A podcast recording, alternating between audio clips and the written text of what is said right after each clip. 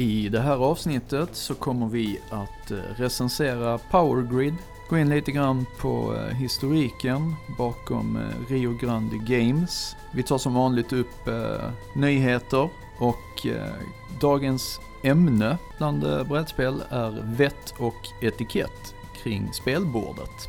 Vi följer upp det med död i rollspel och homebrews kontra kommersiella äventyr.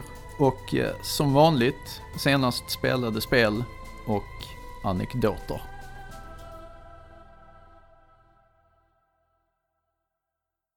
Tjing tjing! Micke här. Catchphrase, Andy, Välkomna till Mindys bräd och rollspelspodd. kör vi!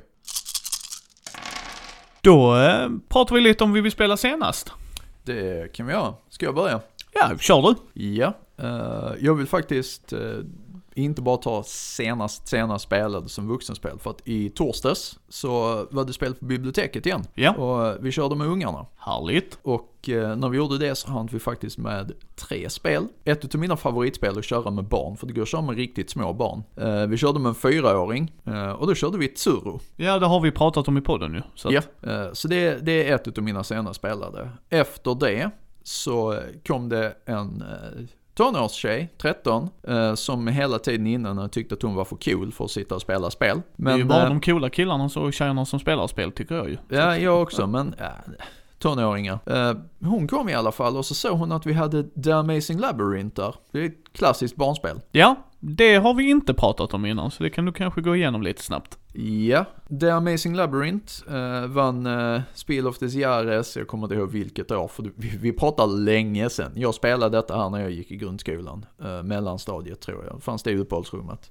Ja, det gjorde jag också kan jag säga. Yes, det är i alla fall ett spel för fyra spelare. Eh, de har en spelplan med eh, flera brickor och de här brickorna går att flytta på. Det är en bricka för mycket. Så att mekaniken är att man eh, trycker in den här brickan och då ändrar man labyrinten. Liksom. Den ändras ju hela tiden när man flyttar på en bricka så öppnas nya gångar och så här. Eh, I labyrinten så är där olika skatter. De är fast tryckta på vissa brickor. Och sen har spelarna en eh, uppsättning med kort som motsvarar de här skatterna. Den som först samlar ihop sina skatter, det vill säga flyttar sin spelpjäs till brickan med skatten på, eh, vinner spelet. Eh, extremt enkel mekanik. Flytta labyrinten, flytta din pjäs. Flytta labyrinten, flytta din pjäs. Ja. Eh, och hon sa bara, oh det spelade jag på fritid. Så körde vi Amazing Labyrinth och eh, efter det så körde vi Can't Stop.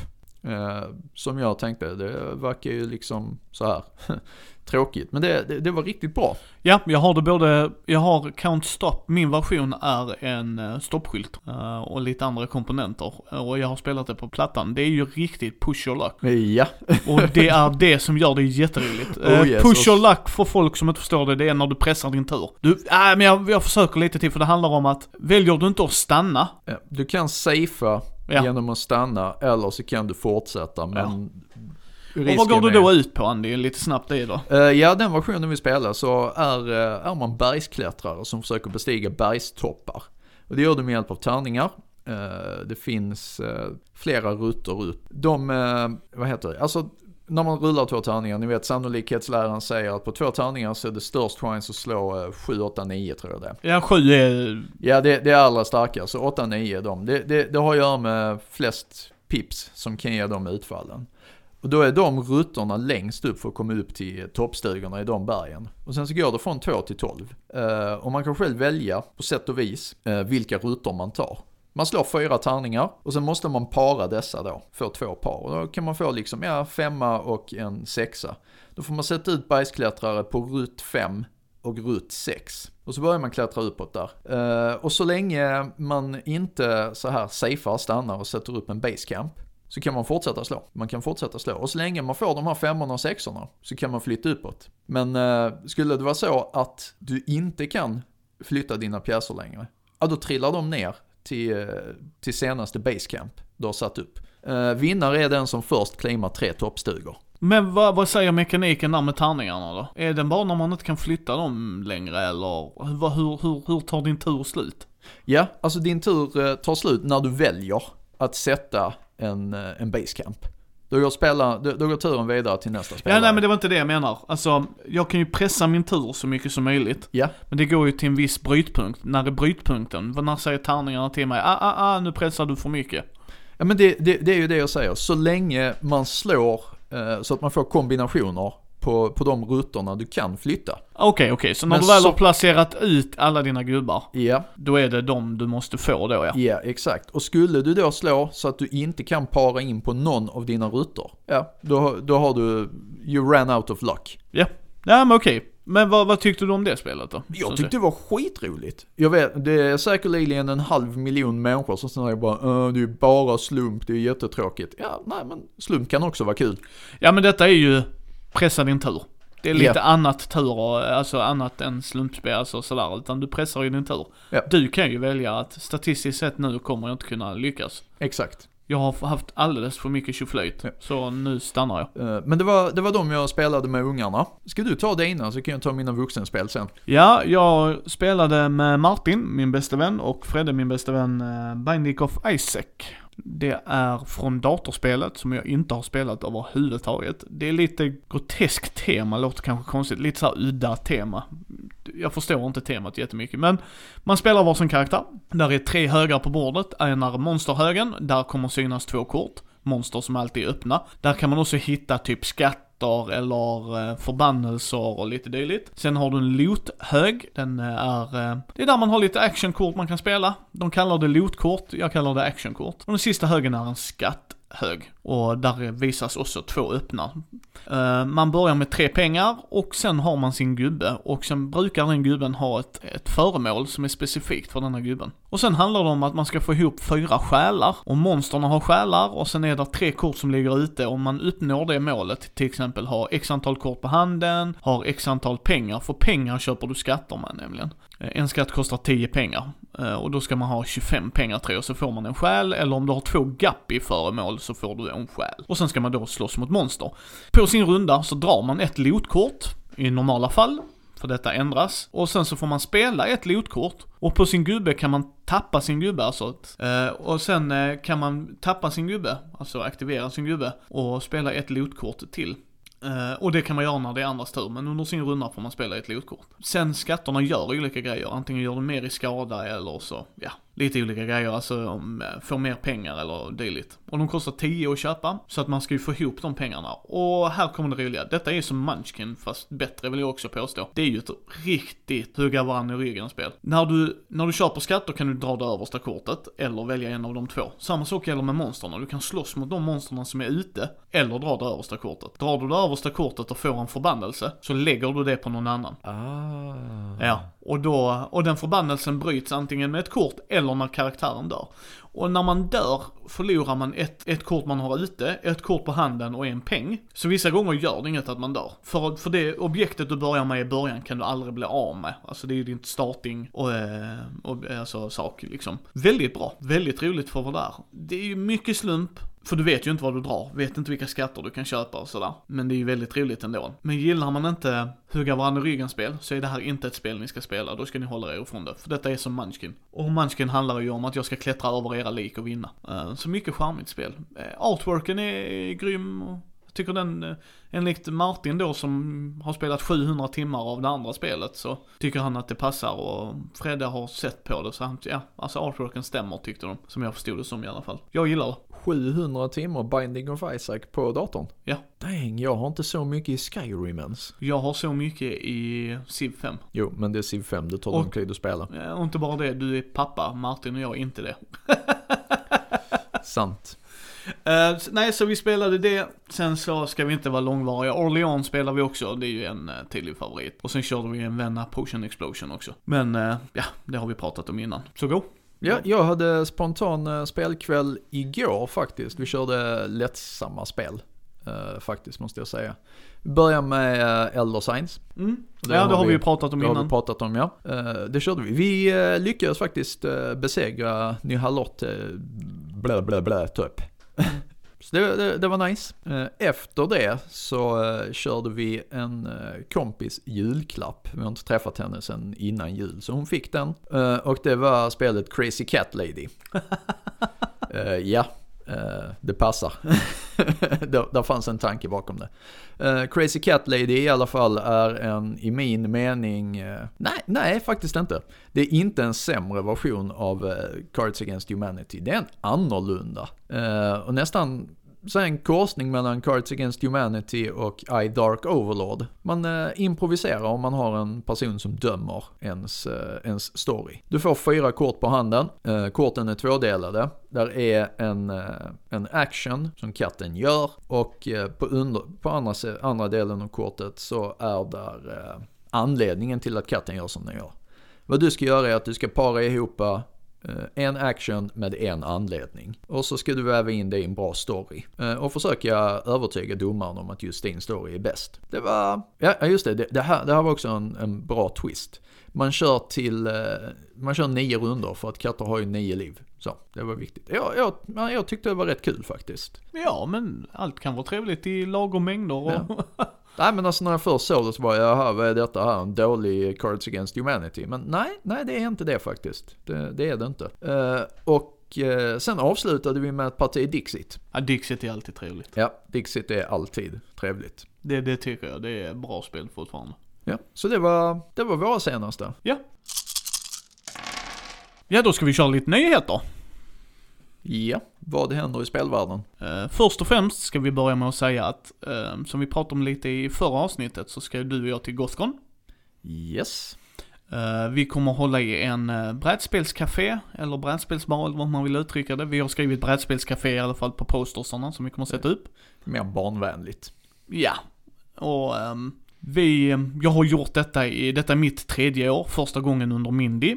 Och det är din första gång på många år du ska upp till Gothcon? Ja, det har inte blivit av på grund av familj och barn och riktiga livet. Nej, precis. Men, ehm, så vi hoppas att vi syns där. Men den roliga grejen vi kan berätta är att eh, vi kommer hålla i en tävling. Och den är sponsrad av worldofboardgames.com. Alltså den eh, brädspelsbutiken på nätet. Som är uppe i Umeå. Så ett stort tack till dem. Uh, vi kommer gå ut lite mer info lite närmare vi kommer, men vi kommer hålla i en tävling, det är av i alla fall. Ja. Håll, håll koll på Facebooken så kommer detaljerna där. Ja. Uh, och jag tror vi kommer nämna det i ett, det kommer... Det kommer en bubblare precis innan också ja. för att påminna folk. Precis, ja. köra lite konventsnack och dylikt. Uh, så det är en av de stora grejerna, tycker jag, för vår del i alla fall. Tycker jag, tack till er på World of Board Games. Mm. Ett stort tack. Det är alltid roligt när vi kan göra, ge, ge mer tillbaks till communityt. Uh, sen kan vi gå på nyheter, nyheter. Uh, Fandrake som gjorde ja, Mutantboken, men det är ju Orvar och han Jimmy då ju som gjorde även uh, boken vi recenserade i förra avsnittet. Ja, precis. De ska göra en om Alga-spel. Coolt, måste jag säga. Jag visste inte om detta Micke. Tack för uh, heads up innan vi spelar in. Nej men det är ju din reaktion jag vill ha här. Ja, jo. Den är, den är ju spännande. Nu får se ni, eh, men eh, ja, den kommer. Jag vet inte när den kommer och sådär. Det släpptes inte nu när jag, när vi spelar in det här. Nej, man snyter ju inte ut en bok på en vecka liksom. Uh, nej, men de har eh, annonsat eller så här, um, släppt det, att de ska släppa en. Uh, och man kan hata och ogilla Alga, men jag kommer fortfarande köpa boken för det är väldigt intressant. Alltså jag, jag är historienörd. Jag uh, tycker det är jag det är, också just. Att... Det är fantastiskt roligt för mig att se att folk egentligen plockar upp lite seriös forskning i, uh, i spelhistoria. Alltså nutidshistoria som du sa. Ja. Det är ju det som är det roliga. Så, nej, så den ser vi fram emot. Ja, uh, och från mig som historiker, ett varmt tack till er. Sen kan vi köra en annan, vi kan köra en liten brädspels här. Från Splotter Games kommer en expansion till Food Chain Magnet. Food Chain Magnet, för Andy som inte vet vad det är, är ett tungt Eurogame, eh, ekonomiskt Eurogame.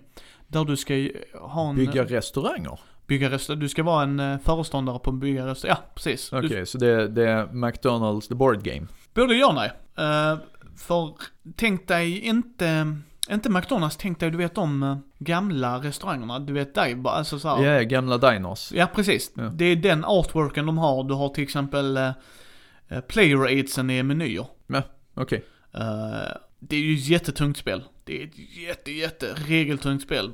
De ska släppa en expansion i alla fall. Okej. Okay. Uh, den ser jag jättemycket fram emot. Man kommer att kunna spela sex spelare istället för fem. eh, lite fler eh, olika maträtter, ja, lite vidare och vidare och vidare. Så den ser jag fram emot jättemycket. Nice. Mm. Sen har vi lite Kickstarter-nyheter.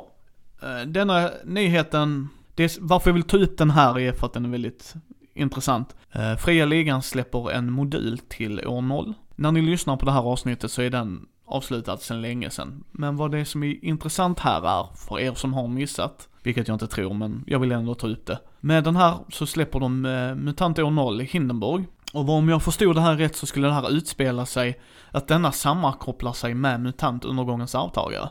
Så MUTANT år 0 och Hindenburg ska kopplas ihop med de andra MUTANT undergångens arvtagare. Ska bli en bridge där.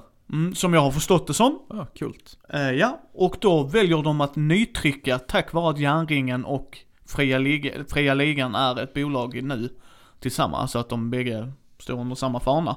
Så ska de, Folkets jubel där bakgrunden. ja, a- absolut, jag är eh, jättetaggad. Så då kommer det vara, kommer de trycka upp zoologerna i zonen eller vad den heter. En av dem där, jag gissar på att det är monsterboken till Mutant undergångens avtagare. De tre äventyren som är jättekända, Prins, eller vad den heter, Hindenburg och sen eh, Nordheim eller något sånt. Den kommer också tryckas upp. Och sen eh, grundreglerna. Så en ny chans för folk att köpa dem. Ja, jag hoppade Suburbia Deluxe, kan jag säga. Tog detta istället. Eh, ja, men jag är lite mer rollspelsnörd på, på gamla dagar också. Ja. Ehm, nej, så att det ska bli spännande. Sen vet jag inte, som sagt, nu när vi spelar in så vet jag inte om de släpper mer, att man kan kanske få köpa mer grejer eller så. här. Men detta är vad som har släppts nu och det har blivit stretch goalat, alltså, alltså de målen har nåtts. Så att det är det som, det är det minsta jag kunna, kommer kunna komma åt. Uh, vad som är intressant med den här modulen är också att de andra MUTANT år 0 handlar väldigt, eller förlåt mig, men om man går MUTANT år 0 eller Genlab Alpha i alla fall, så handlar det om att överleva i världen. Det har hänt, den stora katastrofen har hänt, nu ska vi överleva. Eh, Hindenburg är, det är stadsliv, nu är vi i en stad. Och då är det inte mycket överleva i zonen, du vet så här, olika gifter och dyliga monster. Utan det är stadsliv och intrigerna där och det. Så det ska bli spännande. Det ska bli jätteskoj att se. Eh, som sagt, den är tyvärr redan, den var bara i nio dagar tror jag, den Kickstartern. Men det räckte. Det, det räckte ja, den är uppe över 700 000 nu. Mm. Så att eh, jag, jag är jättetaggad. Sen har vi en annan, Riot Minds, det Mm. svenska bolaget. De släpper på till Lex Occultum, det som du lånar om och sitter och läser hemma. Yes. En monsterbok. Mm. Av en eh, Steven Saville. Han har skrivit eh, lite comics till Doctor Who och andra grejer. Ja, så, eh, Arkham Horror och sådana saker. Så att han ska vara uppenbarligen ett relativt stort namn. Personligen hade jag ingen connection till honom överhuvudtaget. potential där. Eh, ja, nej men den ska bli cool. Det är en monsterbok och Mm. monsterböcker tycker jag inte är fel i ett sånt spel. Lex Occultum är uh, steampunk, i, oh, vad heter det? Penny Steampunk. Dreadful. Ja, ja, Penny Dreadful. Det kan man kanske mer säga än steampunk kanske, det kanske Ja. är dumt uttryck. men- Victorian uh, Ja, horror. förlåt, vikt, viktoriansk horror ja, inte steampunk. Skit i vad jag sa då. Eh, så det, det ska bli spännande, jag har ju den. Så att detta var ju Mm. också en instaback för mig. Och det är gamla Götterdam. Engelska versionen av den. Precis. De har bara gjort en internationell istället. Så jag hade inte Götterdam, utan jag tog Lex Occultum och sen nu får jag en monsterbok. Så jag är nöjd. Ja. Men det var vad vi hade denna gången. Så Micke, du, uh, dags för historielektionen igen. Vem har du kollat upp idag? Eh, den här gången är det Rio Gr- Grand Games. Eh, det kanske ringer lite klockor hos folk. De har ju gjort mycket bra grejer i min mening. Mm, eh, och eh, det har de ja. Det tycker jag. Eh, ett av de nog största, eller det ska jag nog inte säga, men en av eh, Power Grid, Dominion. eh, Carcassonne. Är det också de? Ja, det, alltså, nu ska du få reda på varför det kan vara Carcassonne. Eh, och Puerto Rico har de också gett Ja, ut. det Eh, men Love it. Rio Grande är placerade i Rio Rancho, New Mexico, USA. Eh, år 1995 så började Jay Tummelson på Mayfair Games. Eh, det var då, eh, det var vid den tidpunkten då Mayfair Games började importera tyska, eh, alltså German style games, Ja. alltså Eurogames, Ja, från, Eurogames. ja, från Europa. Ja. Men de gjorde inte det lokaliserat, alltså att de tog över det. Så, tjoff, nu är det så. Det de använde där använder vi nu.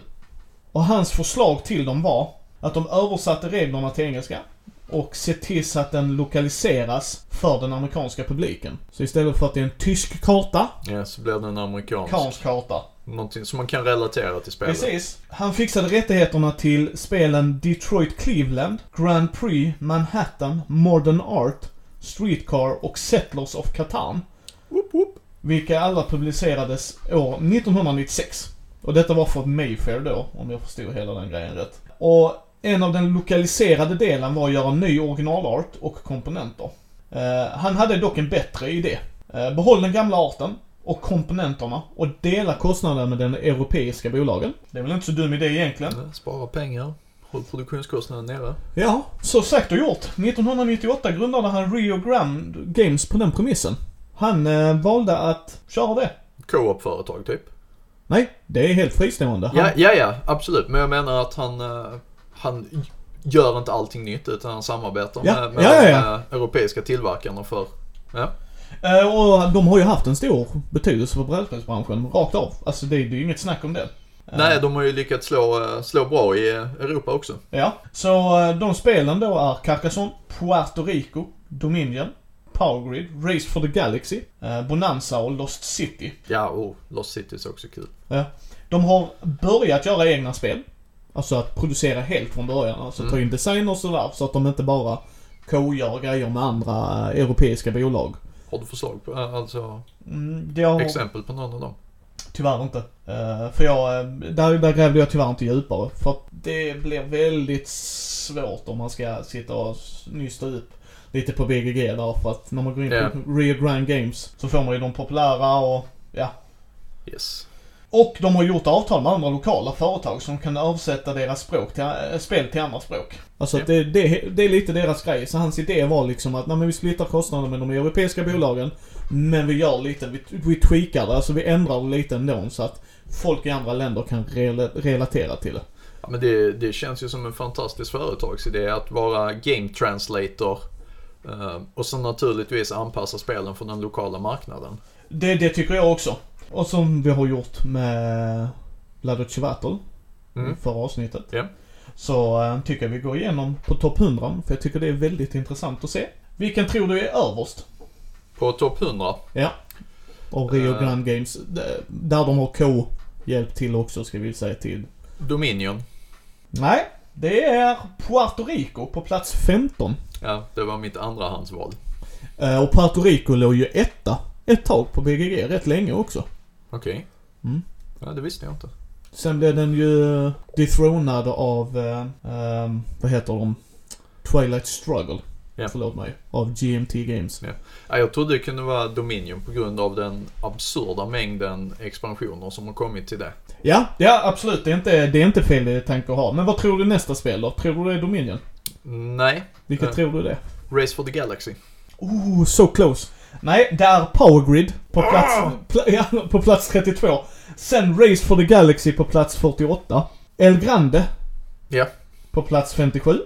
El Grande har jag aldrig spelat. Nej, inte jag heller. Jag har fått många erbjudanden om det, men det har aldrig blivit. Det har varit andra som har varit mer intressanta. Jag tror vi får ta slag i saken där och göra det faktiskt. Yes.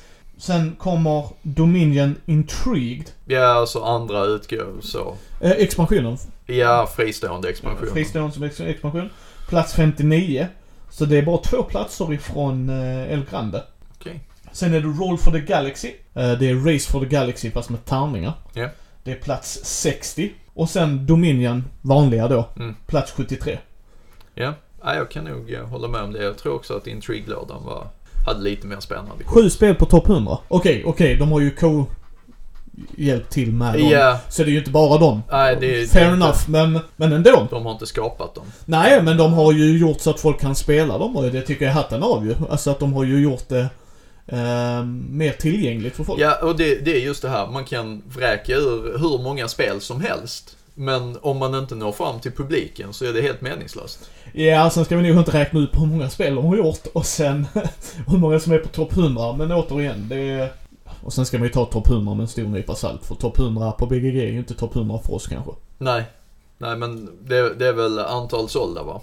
Eh, nej, det är antal som har gått in och röstat och vilket betyg de har. Ja, ja, okej. Ja. Nej, men det, antal sålda hade ju varit mer relevant för mitt påstående. Både ja och nej. Då hade ju Monopol vunnit rätt hårt. Och risk. Ja, på, på en topp 100 för mest sålda. Ja. Alltså man får ju vara lite noga Men med det- det, också. Ja, men det, det jag tycker är intressant med topp 100 på BGG, just i det här fallet när vi pratar historier och sånt, om, eh, eller track record för eh, bolag och designers. Det är ju att det är någon del som använder BGG. Och det är ju en del som går in och röstar och ger sina betyg och vad de tycker. Men nu pratar vi mer om BGG än Rio Grande. Ska Ja. vi komma tillbaks till ämnet? Ja, jag tycker vi kan avsluta här. Eller är det något mer du vill säga om Rio Grande? Nej, skämt åsido. Mitt, vad är ditt favoritspel av Rio Grande? Vilket är du rankar högst, eh, högst när vi ändå pratar om ranking? Oj, eh, Rio Grande-spelen. Mm, jag gillar verkligen Puerto Rico. Det gör jag. Eh, men eh, det som är lättast att spela känner jag är Dominion. För att vem som helst kan lära sig det. Det är nog det simplaste deckbuilding game jag känner till. Ja. Ja. Ja, eh, det är ju inte så konstigt. Han satte ju stämpeln på det. Även om deckbuilding har funnits innan så gjorde han ju ett helt spel av det. Ja, Som slog hårt. Sen ska jag låta det vara osäkert om någon hade gjort en hel deckbuilding game innan. kom Thunderstone inte in? Nej, det Nej, kom det efter. kom det kom efter. efter, ja. Det vill jag, det vill jag, mm, citera inte mig på det men det tror jag i alla fall. Nej, nej men det, eller så var det bara så att vi köpte det efter. Men nej, jag, jag tror det kom. Ja men jag har för mig det också. Han, för han satte stämpeln. Ja. Eh, kolla gärna upp det åt oss och mailbomba oss. Ja, det kommer säkert vara någon som rättar oss. Och gör gärna det. Ja, jag vet inte. Puerto Rico. Jag tycker det är ett bra spel. Jag har spelat det för mycket. Är nog problemet. Jag saknar att jag sålde det. Jag ångrar att jag gjorde det alltså, på ett sätt. Dels till brädspelsbaren som jag brukar hålla. Men sen också att det är ett bra mekaniskt spel. Power Grid gillar jag lite mer. Jag tycker det är rätt bra köttigt. Ja, jag, jag tycker att Power Grid kan bli lite för eh, repetitivt. Alltså rundorna ser likadana ut. I, eh, I Puerto Rico så har du lite mer options varje gång. Ja, sen det, där har du ju kartorna till, som hjälper dig i... eh, Ja, men det är ju Power bara en fråga om vilken stad du placerar ditt hus i. Ja, jag skulle säga vilka du spelar med. Spelar man alltid med samma individer så känner jag, ja, jag förstår vad du menar. Ja, nej men det, det är, jag tycker inte det är jättemycket variation. Det, det är bara min åsikt här. Du, så här, du bjuder på ett kraftverk, pang. Du sätter ut x antal eh, byggnader, pang. Så, nästa person. Vi, vi kommer faktiskt prata om Power Grid eh, lite senare. Ja. Det är ju eh, spelet Så vi sparar oss till då. Ja. Men eh, Race for the Galaxy har jag, men jag har inte spelat det. Eh, Jag har ju, Okej. alltså ni ska veta, jag har typ 350 brädspel i min, mina hyllor. Eh, Alla är inte spelade än, än. Eh, Men den, eh, den verkar vara rätt intressant. Sen El Grande har jag inte spelat. Och sen Dominion, Intrigue förstår jag som du sa. Jag förstår varför den är högre upp. För att det är en bra expansion. Mm. Jag har inte spelat många av de andra och jag är rent krasst. Mm. Är jag inte så jätteintresserad av att göra det heller. Någon som vill sälja ett First Edition Intrigue till mig så eh, skriv. Ja, du är ute på jakt efter den. Jag köpte ju Bigboxen. Jag sålde mitt Dominion. För jag var i en paus där jag liksom, ehm, eller så. Ehm, jag var en del i livet då där jag, ja men jag får sälja av lite. Det, det var en fas, det har gått över. Eh, eh, frugan gillar det jättemycket. Hon tyckte det var bra och det är ett bra introduktion till själva deckbuilding-mekaniken. Sen kan man, eh, tycker jag, ta det till andra spel. Så att även om där är spel som gör det bättre idag kanske, så gjorde de det stilrent. Alltså, där, ja men det är temalöst säger vissa individer. Det stämmer, det är det. Temat är egentligen inte där. Alltså, om man kollar på det krasst. Nej, jag, jag tyckte ju de eh, kvaddade konceptet lite grann när de släppte den tredje expansionen, Det var- Seaside. Så Ja. fort det kom eh, Remain in Play-kort och, och sånt här. He- Hela det simp, eh, simpla, snabba, boom, boom, boom, boom, boom, eh, försvann. Det var lite tråkigt, tyckte jag. Ja men det, det, det håller jag med om och det märker vi när vi sitter och spelar med din exfru och din fru när vi satt till exempel sist och spelade. Du och jag gör ju våra rundor, bam bam bam, så. Ja det är du Andy, du bara bam bam bam och så bara, vad är det vi redan? Ja. Så gör de det och de, det gör inget att de tänker lite längre, absolut inte men... Ja, men det, det var inte det jag tänkte på utan jag, jag tänkte på att de började introducera fler eh, regler. Vilket direkt ökade svårighetsgraden för nya spelare. Ja men Det är det jag menar, alltså att när de satt där så tänkte de bara lite längre, vilket gjorde inget för det var nytt för dem, eller i alla fall för din ex eh, Mm. fru Ulrika där. Medans du och jag visste ju hur mekaniken fungerade, vilket gjorde det rätt bra också, för att då pang pang så, nu Mm. går vi vidare. Där är inga luddiga regler, ingenting. Pang pang, jag köper detta, jag gör Mm. detta. Och det, det håller jag med dig om. Men Intrig gjorde det intressantare, men fortfarande stilrent. Ja, för att in, Intrigue ändrade inte mekaniken överhuvudtaget. Nej, det var det- bara en ny uppsättning kort. Ja, precis. Alltså att det liksom inte comes into play eller de har, nej. Vi kör samma koncept, spela din hand och det. Så bra spel. Bra spel. Bra, bra, bra, bra spel. Eh, och sen har jag inte spelat Roll for the Galaxy heller. Det ska sägas vara, ja, simplare än uh, Race for the Galaxy har jag fått för mig, men jag vet inte om det stämmer. Nej, så där har ni dem. De uh, Rio Grande Games. Och eh, vad vi tycker om Rio Grande. Ja. Bra företag. Ja, det tycker jag. Så Andy. Då ska du berätta lite om eh, spelet vi ska recensera. Ja, vi eh, ska köra Funkenschlag, eller Power Grid som det heter, från eh, Rio Grande Games. Det är ett eh, Area Control Resource, resource Management Eurogame med ett av de bästa ekonomisystemen jag har sett faktiskt. Spelet går, kan börja med hur många den är för, 2 till 6 spelare. Fantastiskt bra det. And Freeze har gjort det. Mm. Skaparen. Det har jag inte så mycket koll på. Uh, mekaniken lite snabbt. Varje spelare representerar ett kraftbolag uh, som ska bygga ut sitt kraftnät eh, och på det viset tjäna pengar. Det går till på det viset att varje spelare får möjlighet att bjuda på kraftverk för att producera elen. Sen en möjlighet att köpa råvaror till de här kraftverken så att de faktiskt kan användas. Och sen muta in städer på, eh, på en karta för att bygga ut sitt kraftnät. Och det är det eh, i grova drag. Ja, och vill man se hur spelet fungerar så rekommenderar jag att gå ut och youtuba det. Där kan man få en bättre, eller eh, mer djupare re regelgenomgång faktiskt. Kan vi bara fråga om varför jag tycker att ekonomisystemet är bra Micke? Vad har jag sagt? Eh, det är ju att eh, råvarorna är till, eh, tillgång och efterfrågan. På ett sätt som många spel inte har. Ja, för när man köper kraftverken så ser man vad de kräver för att förse x antal hus med el. Eller områden, äh, hus. Hur många råvaror? Ja. Och om alla köper kol försvinner den kolen rätt snabbt och då blir det dyrare om du är sist på bollen. Ja. Och eh, de har ett fint sätt att balansera detta med reversed turn order och så också. Jag, jag rekommenderar alla att eh, testa det. Eh, även om jag inte ger det superhögt betyg. Eh, 6,5 och det beror på att speltiden ofta är väldigt lång, uppemot två timmar är inte ovanligt. Ja, nej det jag gillar med spelet, det är att man har, om man kan, man flyttar nämligen på mätare, x antal hus man har ute på kartan, visar på en mätare uppe till hörnet på kartan. Då är man first player. Det är vad spelet kallt räknar med. Sen kanske du inte är first player ekonomiskt. Men det bryr inte spelet sig om för du har expanderat snabbt. Och när man bygger mellan städer så måste man betala en kopplingsavgift. Vilket är också väldigt bra mekanik i spelet. För det är inte bara att du ploppar ut på en kartan och så bara nej nu vill jag vara här nu vill jag vara här. Ja det kan du göra men du måste betala kopplingsavgiften emellan. Precis. Så det gillar jag. Jag gillar att kraftverken du slumpar. Alltså du har ett fast antal nummer du börjar med. Sen tar du ut och slumpar. Vilket gör att det blir ändå rätt intressant varje gång man spelar. Inte jätte, nu ska jag inte hypa det för mycket. Men fortfarande, där är en liten. Kommer det kraftverket upp? Kommer jag få se den? Alltså finns den med? Och eftersom kraftverken aktioneras. Precis. Och här blir det ju väldigt intressant. First player väljer vilket som ska först aktioneras ut. Vinner han, eller hon, aktionen så går spelare nummer två. Väljer ett kraftverk. Och så budar. ett utropspris. Ja. Eh, och man har nummer på dem och det är det lägsta budet Det finns man fasta ge. utropspris på varje Precis, kraftverk. men man får alltid ge mer om man känner direkt att man vill skrämma bort competition. Exakt. Eh, vilket jag tycker gör väldigt intressant. Mm. Och det som är fortfarande väldigt intressant är att vinner inte han budet så väljer han ett nytt. Ja.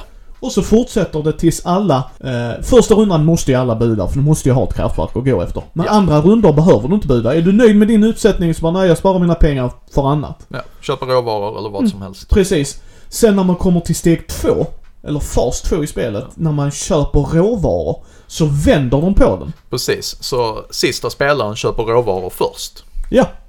Och det gör ju det också väldigt, väldigt intressant. Kol börjar alltid billigt, men det är också det som kan göra det så jätteintressant. Det behöver inte sluta billigt. Det behöver inte sluta billigt överhuvudtaget. Nej, har man fyra spelare som köper kolkraftverk och ligger före en i turordningen så att säga. Man vet om att man är den första att handla. Så kollar man att, ja nej men kolen kommer att bli jättedyr. Så jag väljer att köpa ett oljekraftverk istället. Ja, och jag för mig att man kan ha tre, nej förlåt ett x antal kraftverk. Man kan inte ha hur många som helst framför nej. sig.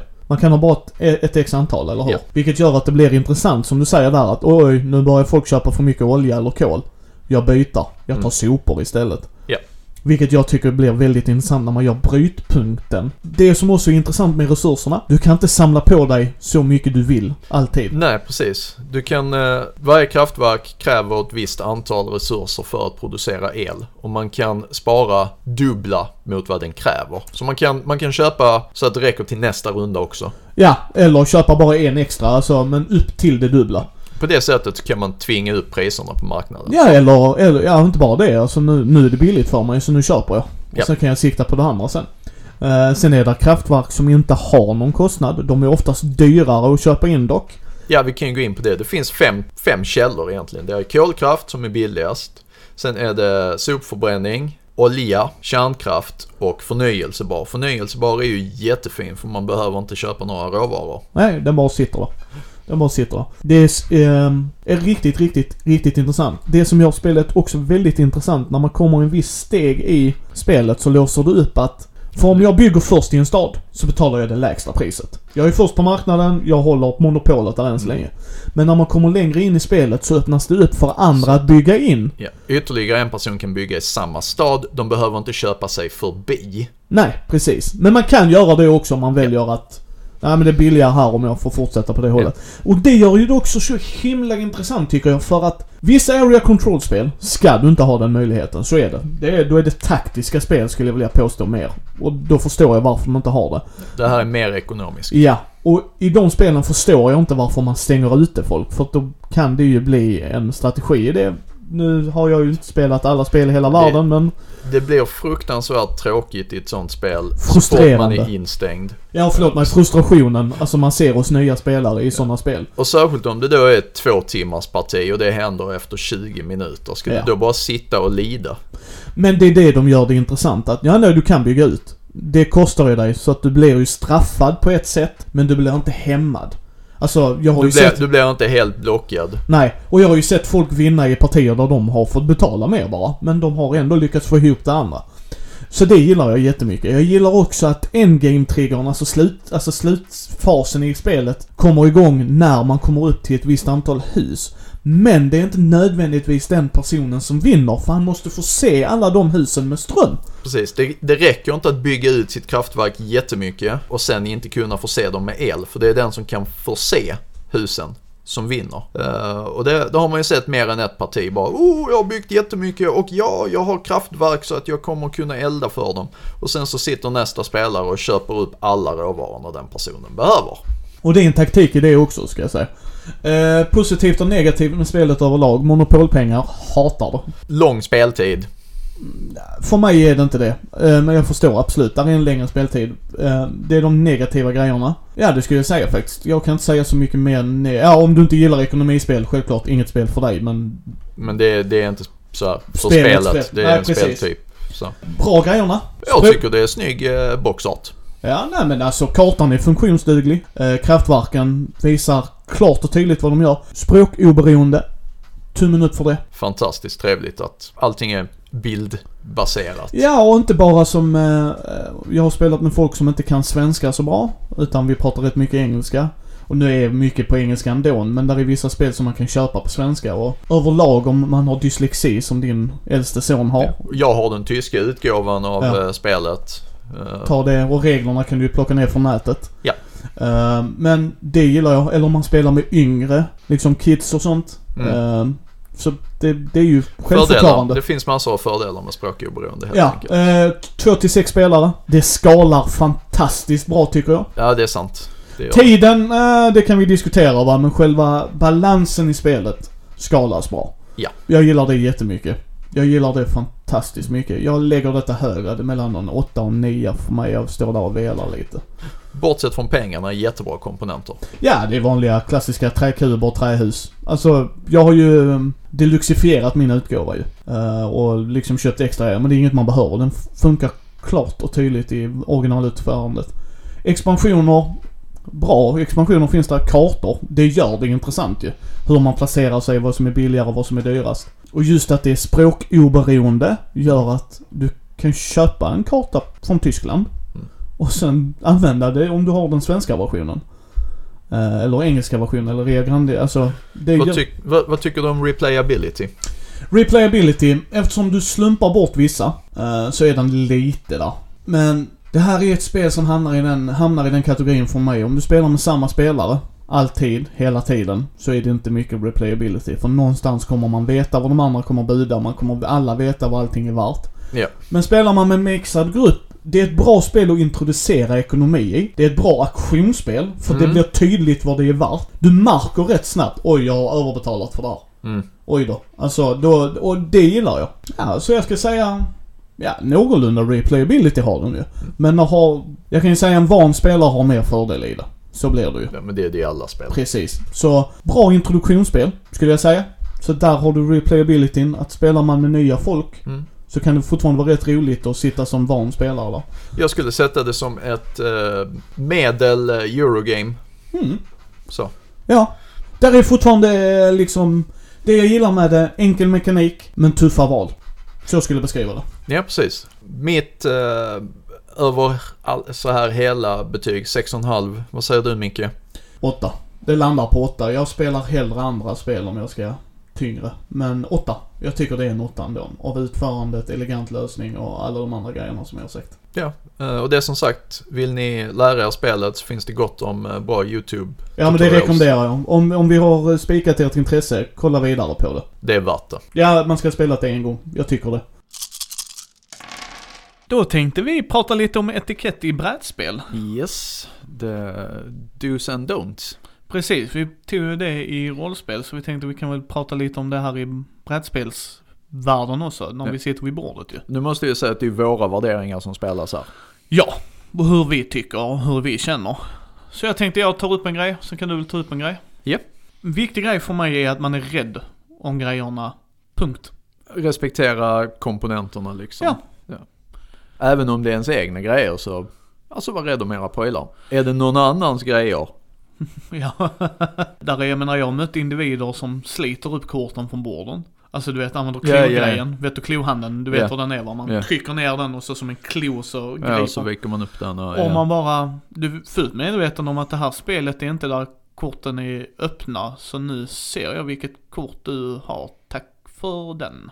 Ja, och så har man ju ja, folk som helt enkelt misshandlar korten. Alltså Mm. tar sönder dem. Eller figurer. Eller figurer ja. Så att nej, Mm. olyckor händer. Ja.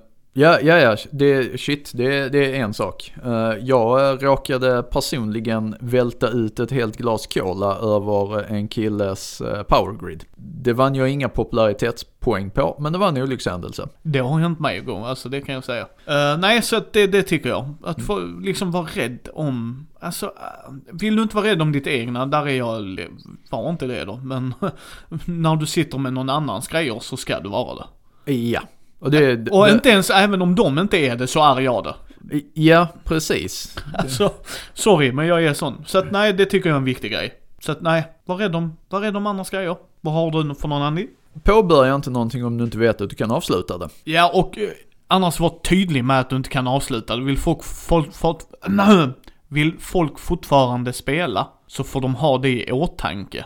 Men det är inte det vi pratar om här. Jag har mött människor som, ah, nu ska jag hem. Det är en timme kvar av spelet. Ja, alltså vi sitter här i, i late mid-game, vi har byggt strategier, vi har arbetat utifrån de här förutsättningarna och nu tänker du bara dra.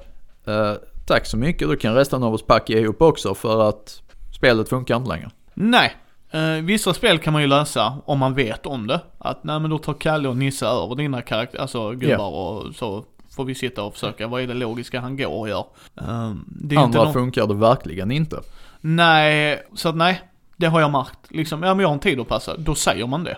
Ja, precis. Och så väljer man kanske ett spel som tar kortare tid att spela. Ja, eller så väljer man att när klockan sju så avslutar spelet. Så den som har kommit upp till x antal poäng vinner då. Det går man också att göra. Ja, ja. Men då, då är man liksom beredd på det från början. Precis, Men precis. påbörja inte någonting om ni inte vet om att ni kan avsluta det. Och om ni prompt måste göra detta, informera. Precis. Eh, sen har vi, jag ska nog inte dra hela den anekdoten, men jag varit med- Dåliga förlorare menar du?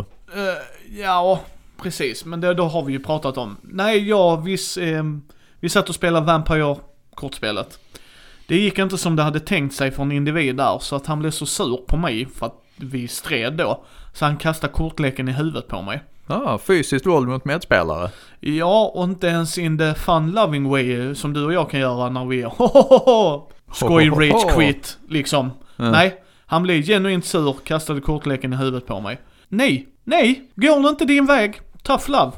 Synd, det är inte okej. Det är inte okej någonstans. Du, nej. Alltså har man den relationen och vi skojbråkar, som sagt, du har glimten i ögat. Jag lägger mig inte i det Nej, överhuvudtaget. precis. Som jag kommer med ett otrevligt eh, invektiv och, och så här. Så vet Micke om att, yeah, yeah.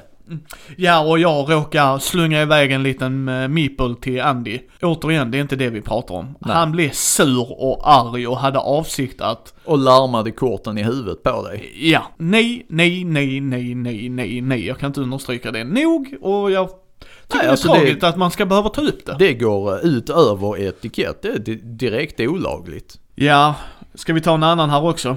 Ja, kör på. Försök undvika, om det går. Jag förstår att det är svårt ibland när man är individer och sådär. Om du ser att någon vid bordet gillar ett spel jättemycket. Nu pratar jag om om där är någon som verkligen gillar det. Gnäll inte för mycket.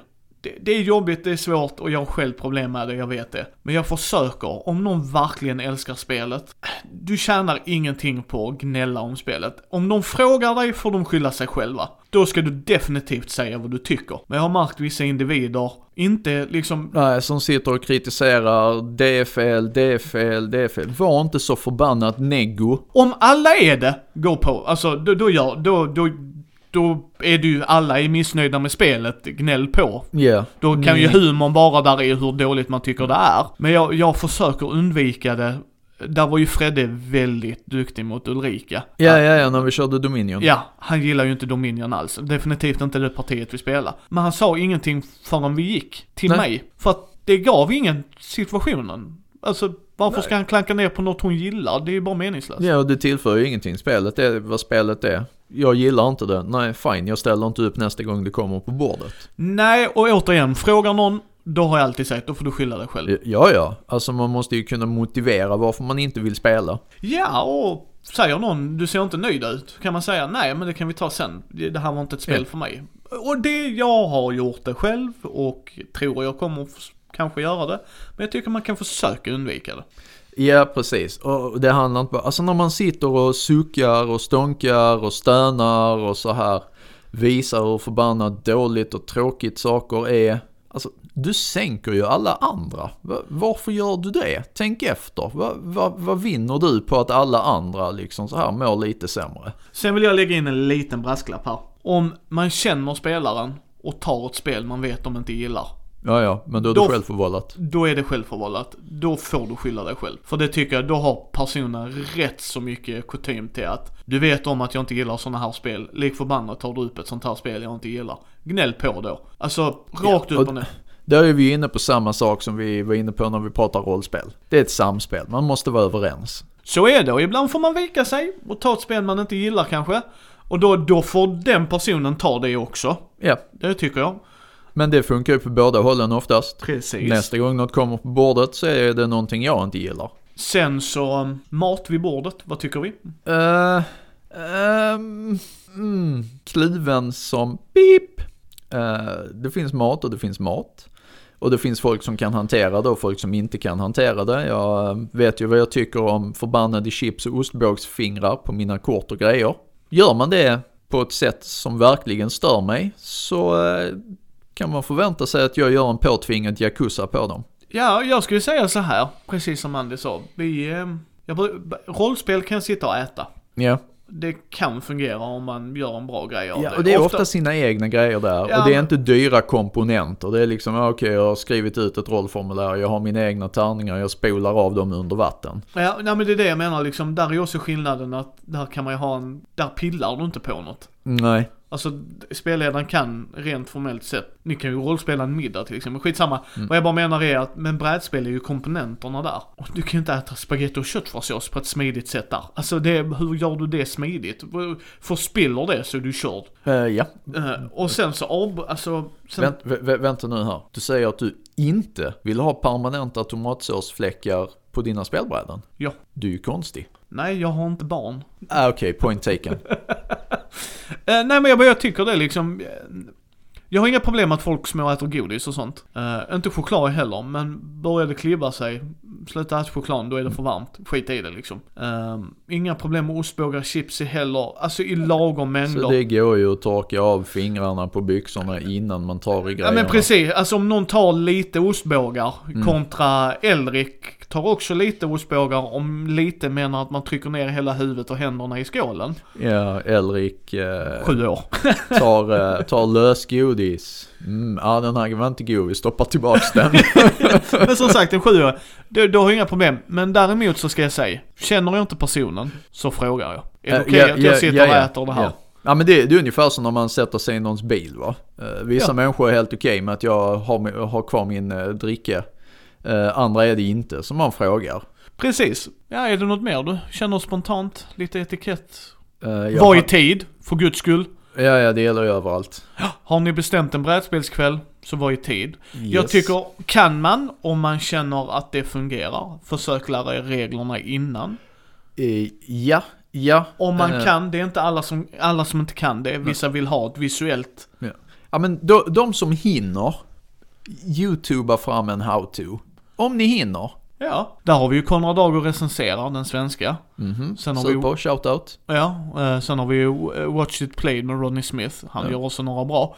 Och de är inte alltid 100%. eh, Men det gör inget, för du får en överblick Mm. och liksom, så då fungerar det. Ja. En, en annan jag vill slänga ut så här spontant. Om någon läser reglerna, ta inte regelboken ifrån dem. Va? Mm, jag har märkt vissa individer, och detta har hänt på konvent ska jag säga, inte i min närhet, för vi Mm. Nej. skickar regelboken mellan varandra. Ja. Man gör inte så. Vill man vara den som förklarar spelet för att man vill ha koll på reglerna, då tydliggör man det. För att jag och Andy är för kommunikation. Ja, Och här vill jag flika in en grej som är relaterad. Eh, att ni tycker att ni kan reglerna, eh, och det kanske ni kan. Det betyder inte att ni kan förklara dem på ett sätt andra, andra kan ta till sig. Nej, det är, är det jättebra att ni vill, eh, vill berätta så och så här. Men låt bli att vara frustrerade över att folk helt enkelt inte kopplar på era jätteskumma eh, inlägg om olika regler så här. Och dumförklara inte någon för att de inte begriper vad du försöker säga. Nej, precis. Jag tycker det blir väldigt konstig stämning runt bordet när man... Jag, så här. Jag och Andy spelar mycket brädspel. Jag och Ja. Andy spelar mycket rollspel. Ja. Vi är inte alla andra. Om jag sätter mig vid ett bord, framförallt med människor jag inte känner, kan jag inte anta att de har spelat varenda grej jag har gjort. Nej. Jag kan fråga dem, har du spelat Seven Wonders? Ja, då vet du hur drafting fungerar. Det här är drafting, välj ett kort, skicka resten vidare. Ja. Då kan jag göra det. Men säger jag, ja det är drafting, jag har ingen aning om det. Då kan jag inte idiot förklara dem. Då har inte de spelat Seven Wonders, då hade jag stannat. Du och jag ska spela Seven Wonders en dag. Så. Ja. Och det håller jag med dig om, att det är, och samma sak, be om grejer. Alltså, vill du ha något förtydligat, säg att jag är regelbokskillen. Ta regelboken då. Ja. Jag bryr mig inte. Sen har vi en grej till här som jag kan störa mig väldigt mycket på. Eh, och det här är personligt, jag vill inte säga att det är etikett heller. För det är, människor funkar olika här och att jag eh, hakar upp mig på sånt här, det, det är my bad liksom. Men det är folk som, säger att man sitter fem personer och spelar eh, exempel. Eh, vad har vi för spel där vi verkligen har möjlighet att planera våra drag i förväg? Terraforming Mars. Terraforming Mars. Vi sitter... Eller ja, ja, någorlunda. Du, Ja. Nej, nej men alltså du, du har ett spel där du ganska snabbt kan, kan bestämma dig för vad, vad är mitt nästa drag. Kanske till och med kan förutse tre drag i förväg om man har spelat spelet. Och sen sitter där en person som gör allt annat än hänger med i spelet och sen blir det dens tur. Och så oj, vad ska jag göra? Mm, jag kan göra så, eller tänk om jag gör så, då gör hen så. Och så går det 10 minuter på den här människans runda och sen kommer vi till de som faktiskt är intresserade av spelet. Pang, pang, pang. Och så är vi tillbaks på den här personen. Andy vill nog klargöra, han har inte problem med tänkaren vid bordet. Nej, nej, nej, nej. Det, han har det- problem med fibblaren runt bordet, Ja. som sitter och fibblar med mobilen Ja, eller? nej, okej, jag, jag vill säga, jag kan ha problem med tänkaren också om han inte utnyttjar tiden till att tänka. Det vill säga, om han inte tänker under de andras rundor. Ja, det är nej, men- betänketid för mig. Ja, det, det... Jag har inga problem med tänkaren om jag har tiden att sitta och spela ett spel. Har jag inte tiden och vill få in ett spel som borde vara snabbt, då brukar jag säga till den personen att ja, jag vet att du vill tänka, men inte denna gången. Kör på.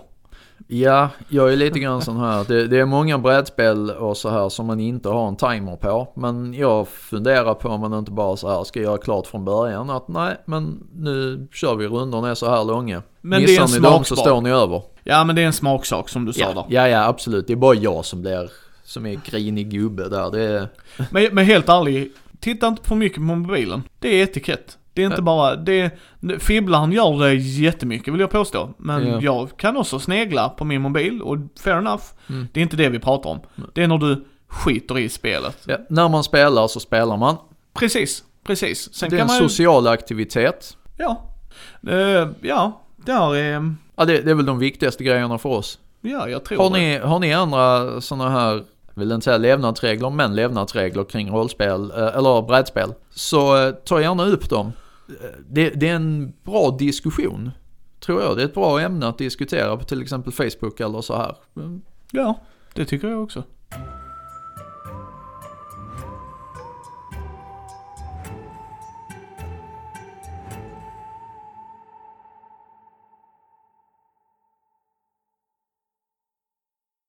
Nu tänkte vi prata lite om eh, död i rollspel. Ja, frustrerande ämne för många.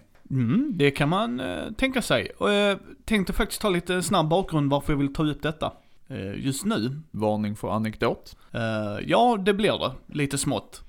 Igår så spelade vi fjärde gången tror jag i Curse of Strads äventyret D&D femte editionen. Den är tuff, den är brutal. Jag kan inte understryka det nog, den är riktigt hård. Och det sa vår spelledare från början. Denna är, går ni fel så dör ni. Och ni gick rätt förstår jag. Ja, både ja och nej. Första gången vi körde så dog någon. Andra gången vi körde så höll någon på att dö. Vi trodde han hade dött, men vi kollade rent spel- spelmekaniskt så hade han inte gjort det. Tredje gången vi spelade så dog någon. Fjärde gången vi spelade så dog tre. Sorry. Ja, Sorry. detta är en liten spoilervarning. Jag försöker göra det spoilerfritt. För jag tycker man ska få uppleva det här äventyret. Men vi hamnade i en situation, vi var på rätt nivå levelmässigt. Igår då när vi spelade. Och vi mötte blights, trägrejer, levande träsaker. Och det var svärmar av dem. Och så obalanserade droider. Om man har spelat D&D så förstår man att droider är mycket för balans i världar och natur och så. Så de var inte riktigt balanserade, alltså så här, de var onda droider. Alltså, annars är droider neutrala. Det, dessa var liksom evil. Vi hamnade i en situation där de styrdes av ett föremål. Jag ska inte gå in på vad det är, men det var ett föremål som druiderna använde för att styra dessa varelserna. Vår Rogue skickas in för att sno detta. Eh, vår magiker, all heder till dig Jens, Loud, du spelar han fantastiskt bra, säger att jag har en invisibility spell, alltså jag kan göra dig osynlig. Så vi gör honom osynlig. Uh, Rangern i gruppen, all heder till dig Andreas, säger eh, jag är på 600 feet, spring mot vägen. Om du behöver backup så kommer jag kunna snipa dem. Vi säger till Pumpa, som spelar Rogan, vi står vid honom. Så vi gjorde lite taktiska misstag kan jag säga här. Han är på väg ut ur detta huset och håller på att hugga på någon, så vi skjuter ju ner honom och sen springer vi mot honom, sen blir han svarmad. Vi var alldeles för långt ifrån, alltså vi snackar 6-8 runder ifrån honom. Eh, jag kör fighter. Jag är rätt tålig liksom, jag har hög AC, jag har mycket liv. Och ehm, jag går ner.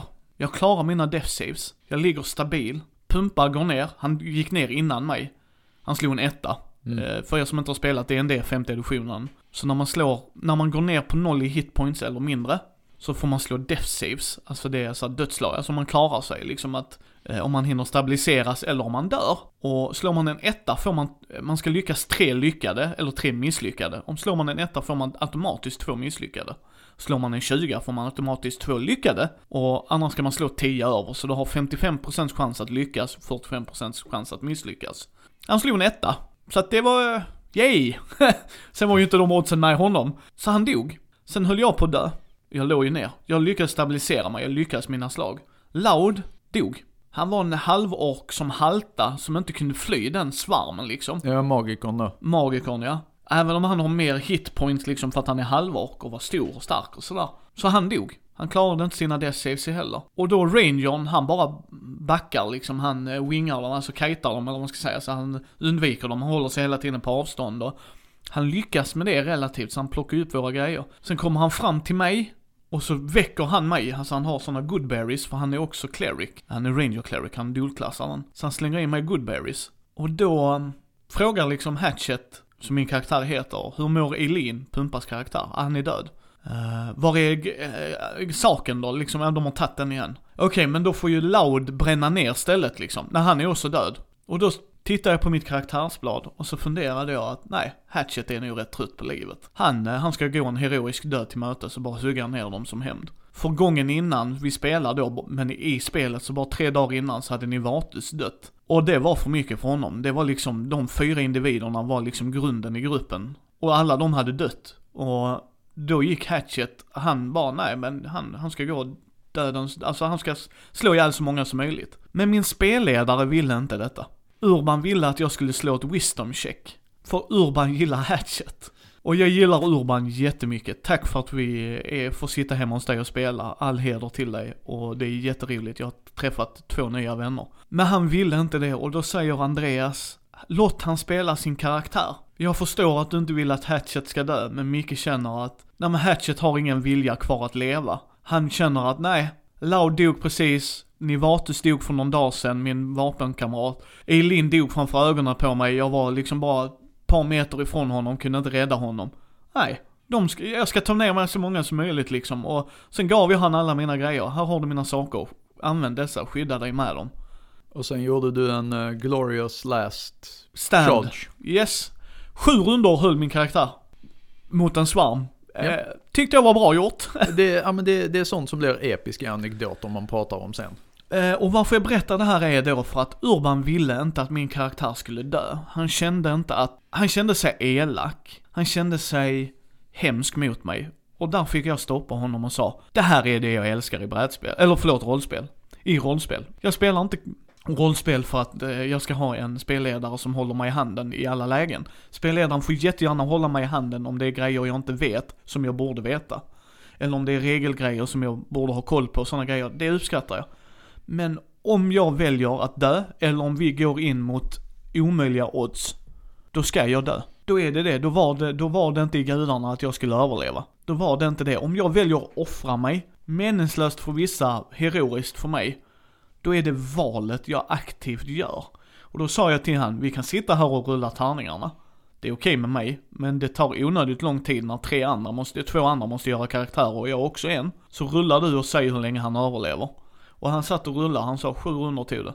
Tror jag det, eller sex eller sju rundor. Sen så går han tyvärr vikan. Och ja, jag var bekväm med det. Ja, det var ju sju glorious rundor liksom. Ja. The stuff of legends. Ni Yes. hade en överlevare också som kan sprida Yes, the och det saga. gjorde han och han hade stor respekt för oss. Och som, och det var därför vi trillade in lite här och då kanske jag ska börja. För mig är det viktigt att den verkligheten ska finnas där om det är det spelet vi spelar. Jag har inte spelat ett rollspel där det, döden inte är närvarande. Eller likvärdigt. eller Shout likvärdigt. out to you, Call of Cthulhu. Ja, ja, precis. Men liksom, och jag tror inte, om det inte skulle vara för din lille grabb Elrik att sitta och spela rollspel med barn, för då är det annorlunda.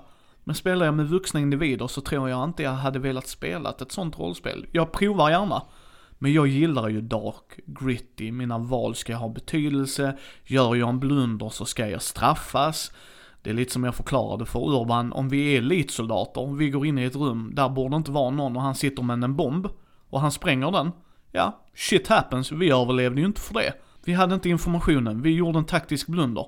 Mm, och verkligheten är vad den är. Och jag sa, det gillar jag, realismen i rollspelet gillar jag, även om vi är high fantasy eller inte. Så för min del, så ska döden vara närvarande. Det där jag mot blir riktigt förbannad, det är om jag går ute på en klar sommardag, och helt plötsligt kommer det en blixt och så bara dödar mig för att det är Ja. shits and giggles. Och här har jag ju en, eh, en grej jag vill ta upp. Vi har pratat om murder hobos som eh, spelare.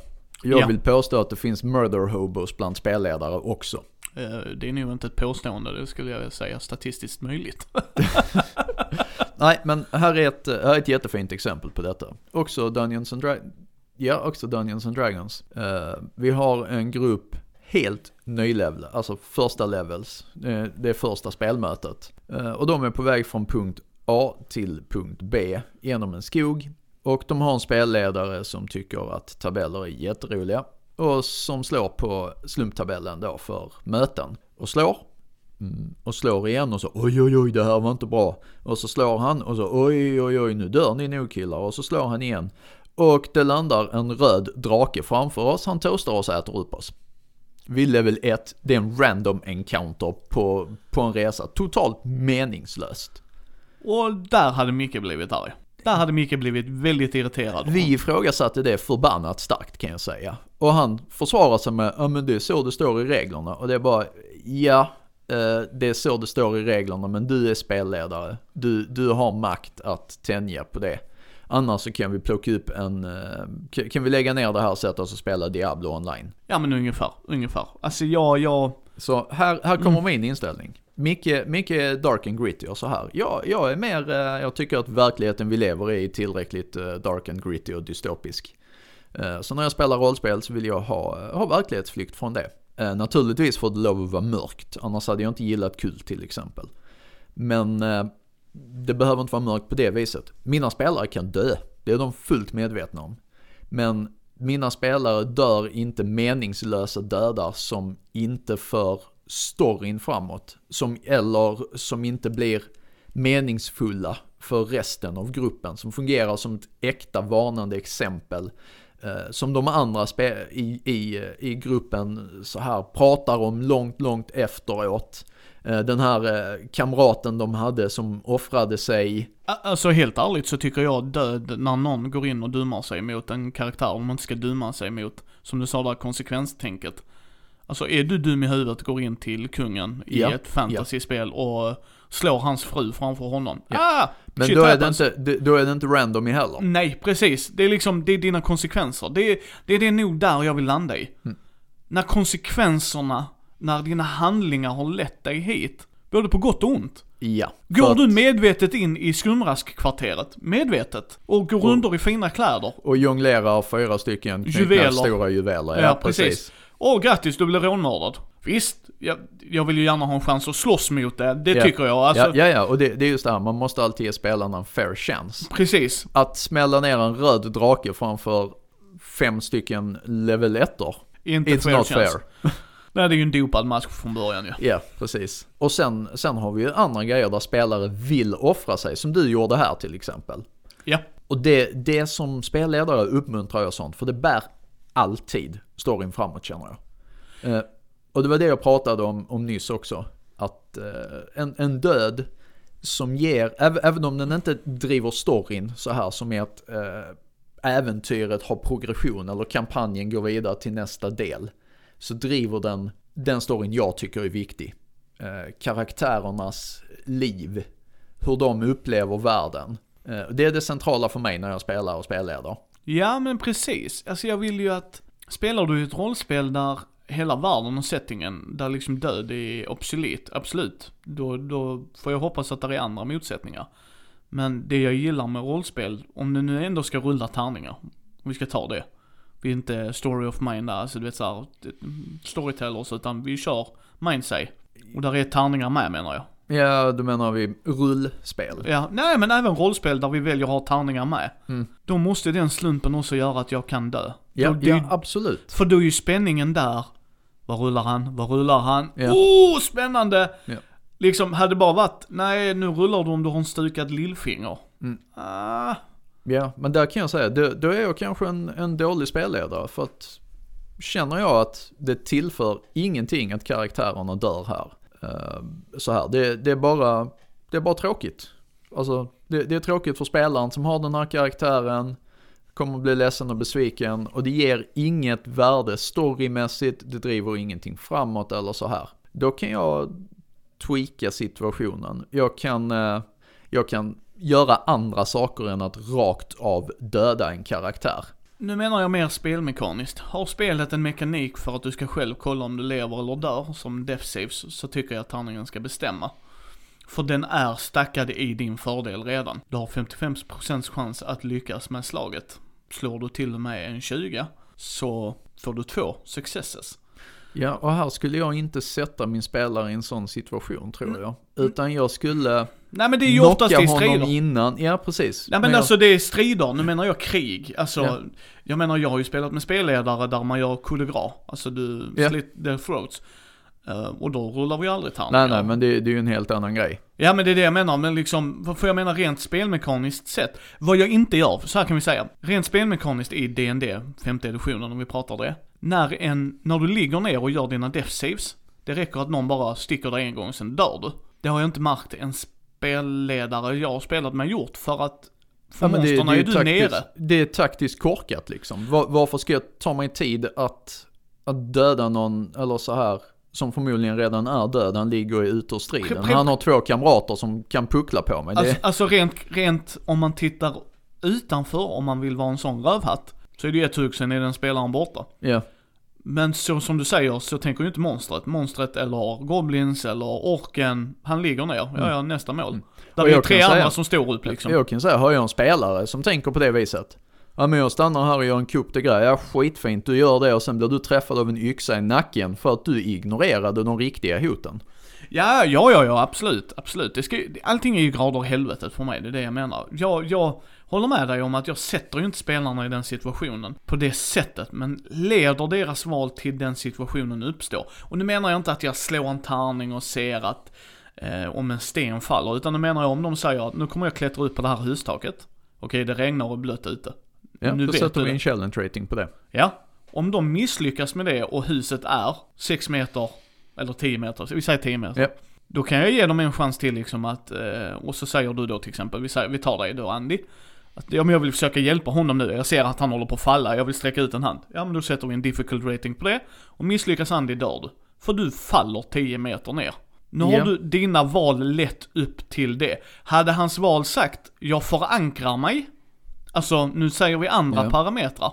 Då, då, då brister inte linan. Jag är inte sån rövhatt. Alltså säger han, jag är bergsklättrare eller du vet såhär, jag klättrar på tak innan, jag kollar efter fasta punkter, jag sätter ner eh, du vet förankrar mig i det här. Så om jag ramlar, så blir jag knockad. Då är han knockad. Det Ja. tycker jag. Ja, här, här kan jag nog säga att jag är lite annorlunda. Jag gillar ju swashbuckling och det visuella och så här. Och mina spelare vill göra grejer som cinematiskt skulle vara coolt. Det skulle se bra ut i film. Eh, så tillåter jag gärna det, vare sig de egentligen har skills eller borde kunna det eller så här. För att det, det tillför någonting, det blir roligt. Det kan jag också göra, men det är som jag, alltså, att man vill svinga, det är, jag säger inte när han svingar in takkrona, att takkronan spräck. Det är inte det jag menar, utan när han sätter sig i en situation som inte är cinematiskt cool, utan nu ska jag bara springa och göra en grej. När du säger, sen när det blir cinematiskt coolt håller jag med dig. Ja men som det du sa nu, vi behöver klättra upp för stuprännan här. Ah shit, jag faller, min polare får precis tag i händerna på mig. Ja, jo, jo, jo, men där är jag också tydlig, ska jag också säga. Att misslyckas du så kan du dö. Ja. Jag sätter inte, alltså då måste de, och det säger jag inte så här, misslyckas du dör du, utan din karaktär, vi säger, Bo, vi säger Bosse, ja, Bosse, han, han är införstådd med att, går inte den här vägen, så kan det sluta riktigt illa. Ja, men riktigt illa behöver inte betyda att man dör. Faller du sex våningar ner, ja, du har inte oddsen på din sida. Men eh, du kan mycket väl göra en superhjältelandning, det vet vi hur illa det är. Ja, nej men jag gör några slag emellan. Det är inte bara automa- att, automatiken, utan där kommer ju slumpen in. Slår han tillräckligt högt, alltså om vi säger, vi säger difficulty class, alltså svårighetsgrad på 15. Han ska klara 15, han ska slå sin D20 och lägga in en skill. Vilken skill? Athletic säger vi för, det, för den här grejen. Då får han göra det ju. Hamnar han på 14 dör han inte, det är inte det jag menar. Där är, även där sätter jag gränser liksom. 14, då är det rätt nära. Alltså då, då, då är han riktigt skadad. Alltså då ligger han, då är Ja, det precis. Då- då är stabil. det Men slår han 2, 3, 4, 5, nej då är han goner. Alltså då, då var det inte i hans tecken. Så jag försöker hjälpa till då, men jag tycker ändå att döden ska vara närvarande. Ja. Och då kommer vi in på en annan grej, eh, som är vanligt i många fantasy settings. Resurrections. Mm. Den är intressant med tanke på att vi har en life cleric med i vår grupp nu, som Ja. spelas av han Jens, han som körde eh, Loud. Uh, halvork wizarden. Förstår att han valde Life Cleric efter den incidenten. Eh, han sa det, vi har ju ökat våra potentiella, jag kör ju druid. Summer- Circle of the Moon, så jag är shapeshifter nu. ja, men åter till, eh, Ja. till Resurrections. Ja, han kan ju få det. Och där har jag inga problem med det alls. För att det är ju hur den världen fungerar. Mm. Och, men de kan ju inte göra det lättvindigt i heller. Nej, och jag känner det här. Eh, Resurrections är en gåva från gudarna. Ja, och han... Jag skulle inte ge det till en person som är i mina ögon kättare för att han följer Timora istället för Tempus. Det gör inte Jens på det sättet. Jag tror han ser värde, nu vet jag inte, vi får ju se. Vi spelar ju bara kort med den karaktären igår ju. Men jag är inte sån heller, för mig handlar det nog, som du säger, kättare. Jag förstår vad du menar, men skulle jag spela en sån karaktär som kan resurrecta någon, så är det ju hans vänner han gör det på, som du säger. Men det är ju inte han som gör det. Han bara kanaliserar Jo, men- mak- äh, alltså Ja, jag förstår det, men jag Gud. hade ju bett till alla mina gudar, om du skulle ramlat här ute och jag hade gudar som kunde hjälpa dig, även om du inte hade trott på dem, så hade jag använt all min makt i världen. Ja, ja, call in a favor där. Precis. Ja, och sen får du hoppas att eh, Ja, Gud nej, nej, det, man, man ska ju vara vaksam med det, det håller jag med dig om. Och där är jag spelledare. Jag är Gud. Jo, men jag tycker om man motiverar allting. allting Om det är storymässigt Ja, men korrekt. motivationen. Japp. Varför måste vi ha en levande? Men och- vi, vi, vi kan ju ta ett exempel här. Jag, jag kör ju Cleric i din kampanj. Nu när vi kör... eh, Dragon Heist, ja. ja, precis. Och jag är ju skitnoga. Som du märker så RPar jag varje gång. Så försöker jag så här konvertera eh, folk i gruppen. Och, och jag säger det här, alltså det är inte säkert att jag kan hjälpa er även om jag skulle vinna för att, vilja för att, eh, alltså gudarna är sådana. Eh, särskilt om ni skulle följa en, en gud som följer direkt motstridiga principer. Då finns det ju inte en chans att mina healing spells fungerar på dig även om jag skulle vilja. Eh, och sen eh, Och sen ställer jag mig och låtsas hela dem. Allting för att vinna followers. Ja, jag, jag vet inte. Jag, som, jag, handlar allting handlar om karaktär för mig. Jag är ju karaktärsspelare, det vet du. Så hade jag gjort en karaktär som hade gjort det, så hade jag också gjort så. Men jag hade kunnat likväl göra en karaktär som hjälper sina kompisar. Men jag hjälper dem. Men det gäller att de är rätt Jo men, trogna.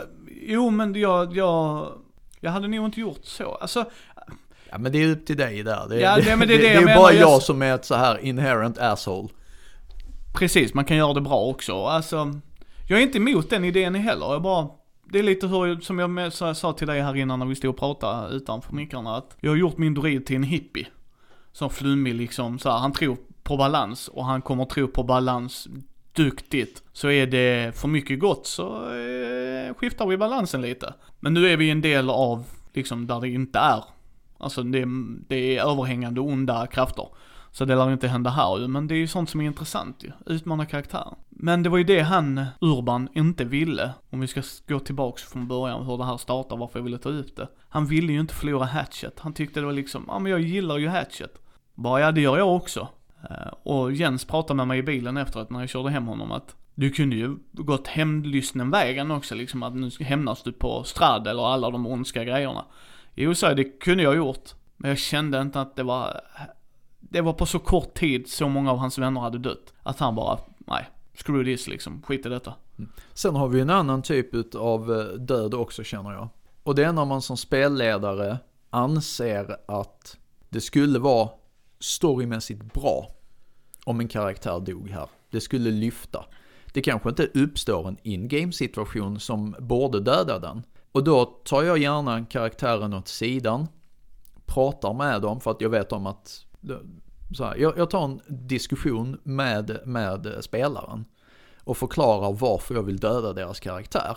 Motiverar detta för dem. Hittills så har jag inte varit med om någon av mina spelare som har sagt nej till det. Eh, och då har vi haft sådana här situationer att eh, det skulle vara jättesnyggt här nu eh, om jag, jag beskriver vad som kommer att hända så spelaren vet detta Eh, och får metaspela på det. det. Ja, men när ni går igenom här så kommer den här fällan att utlösas. Eh, gruvan kommer att börja rasa igen. Men om en person som är stor och stark ställer sig och håller uppe den här eh, stödbjälkarna länge nog för de andra att komma undan, så kommer den personen att dö, men alla andra i gruppen klarar sig. Jag har faktiskt gjort det också. Jag har bara gjort det en gång. Eh, när jag gjorde min eh, riktiga första egna äventyr var i DC Universe. Uh, Mutant Masterminds settingen där, i DC-världen. Så hade jag bestämt mig, ja, en karaktär kommer dö. Jag vet inte när, jag vet inte hur, men jag vill att en karaktär ska dö. Så kommer en kille till mig och säger, jag vill spela en annan karaktär. Du körde mer seriöst än vad jag trodde det skulle bli. Så jag vill gärna göra en ny karaktär. Så sa jag perfekt, jag ville, ville att en karaktär skulle dö. Kommer du säga till mig, nej det, ja, ja kanske. Jag vill ju inte att du ska veta hur och sådär liksom så här. Och det, sen utspelade det sig att han dog. Och alla blev chockade. Helt plötsligt blev det en verklig värld. att vänta, kan vi dö? Vi är ju hjältar ju. Och han var inte alls det sur, allting var lugnt, han hade gjort en karaktär som han var redo med, var bekväm med och han tyckte det var skoj liksom och så det håller jag med dig om. Det tycker jag är ett jättebra sätt att få storyn vidare liksom. Saknar de kämpaglöd? Det finns ju ingen mer kämpaglöd när ens polare dör, har jag märkt. Alltså då brinner du. Mm. Jag vill ju till exempel att varje gång jag har en skurk, om han är en liten boss eller om han är stora, the big bad liksom, att han är stora stygga vargen. Det finns ju ingen mo- motivation som så som hat och ilska. Nu vill jag att han ska gå ner. Nu vill jag inte det bara för att världen blir bättre. Han dödade min polare Andy. Jag ska ta ner honom. Ja, precis. Hämnd. Hämnd. Nu, det är jättebra att vi stoppar apokalypten och allt det där, jättebra. Men när jag står över hans lik, eller när han tar sitt sista andetag så är det här för Andy, kan man stå och ska, alltså det blir mycket, boom, alltså bombastiskt, mycket grymt gjort. Och vissa gånger så blir det naturligt för att han har större, tuffare bossar, minibossar och sånt. Ibland är det för att spelledaren tar spelaren till sidan. Du är viktig för gruppen. Vad sägs om att du dör och gör en ny karaktär? Och sen så har vi då ytterligare en grej som är förbannat svår som spelledare att lösa. Eller jag tyckte det då jag var ung och relativt ny. Och det är när eh, gruppen bestämmer sig för att offra en kamrat. På något sätt. Oh, den är intressant ja. Då Eh, gör de ju, nu, nu, nu snackar vi inte om att det är last, som jag gjorde ett last stand, utan då är det, Ja, det är mord. ja, vi måste offra någon. Oj då. Ja. Nej, inte offra. Mörda. Ja, Eh, förlåt mig. Ja. av olika skäl. Här, har jag, här har jag en shoutout till min gamla polare Mikael Wettergren. Och Björn Nilsson om ni nu skulle höra detta. Eh, så här var det.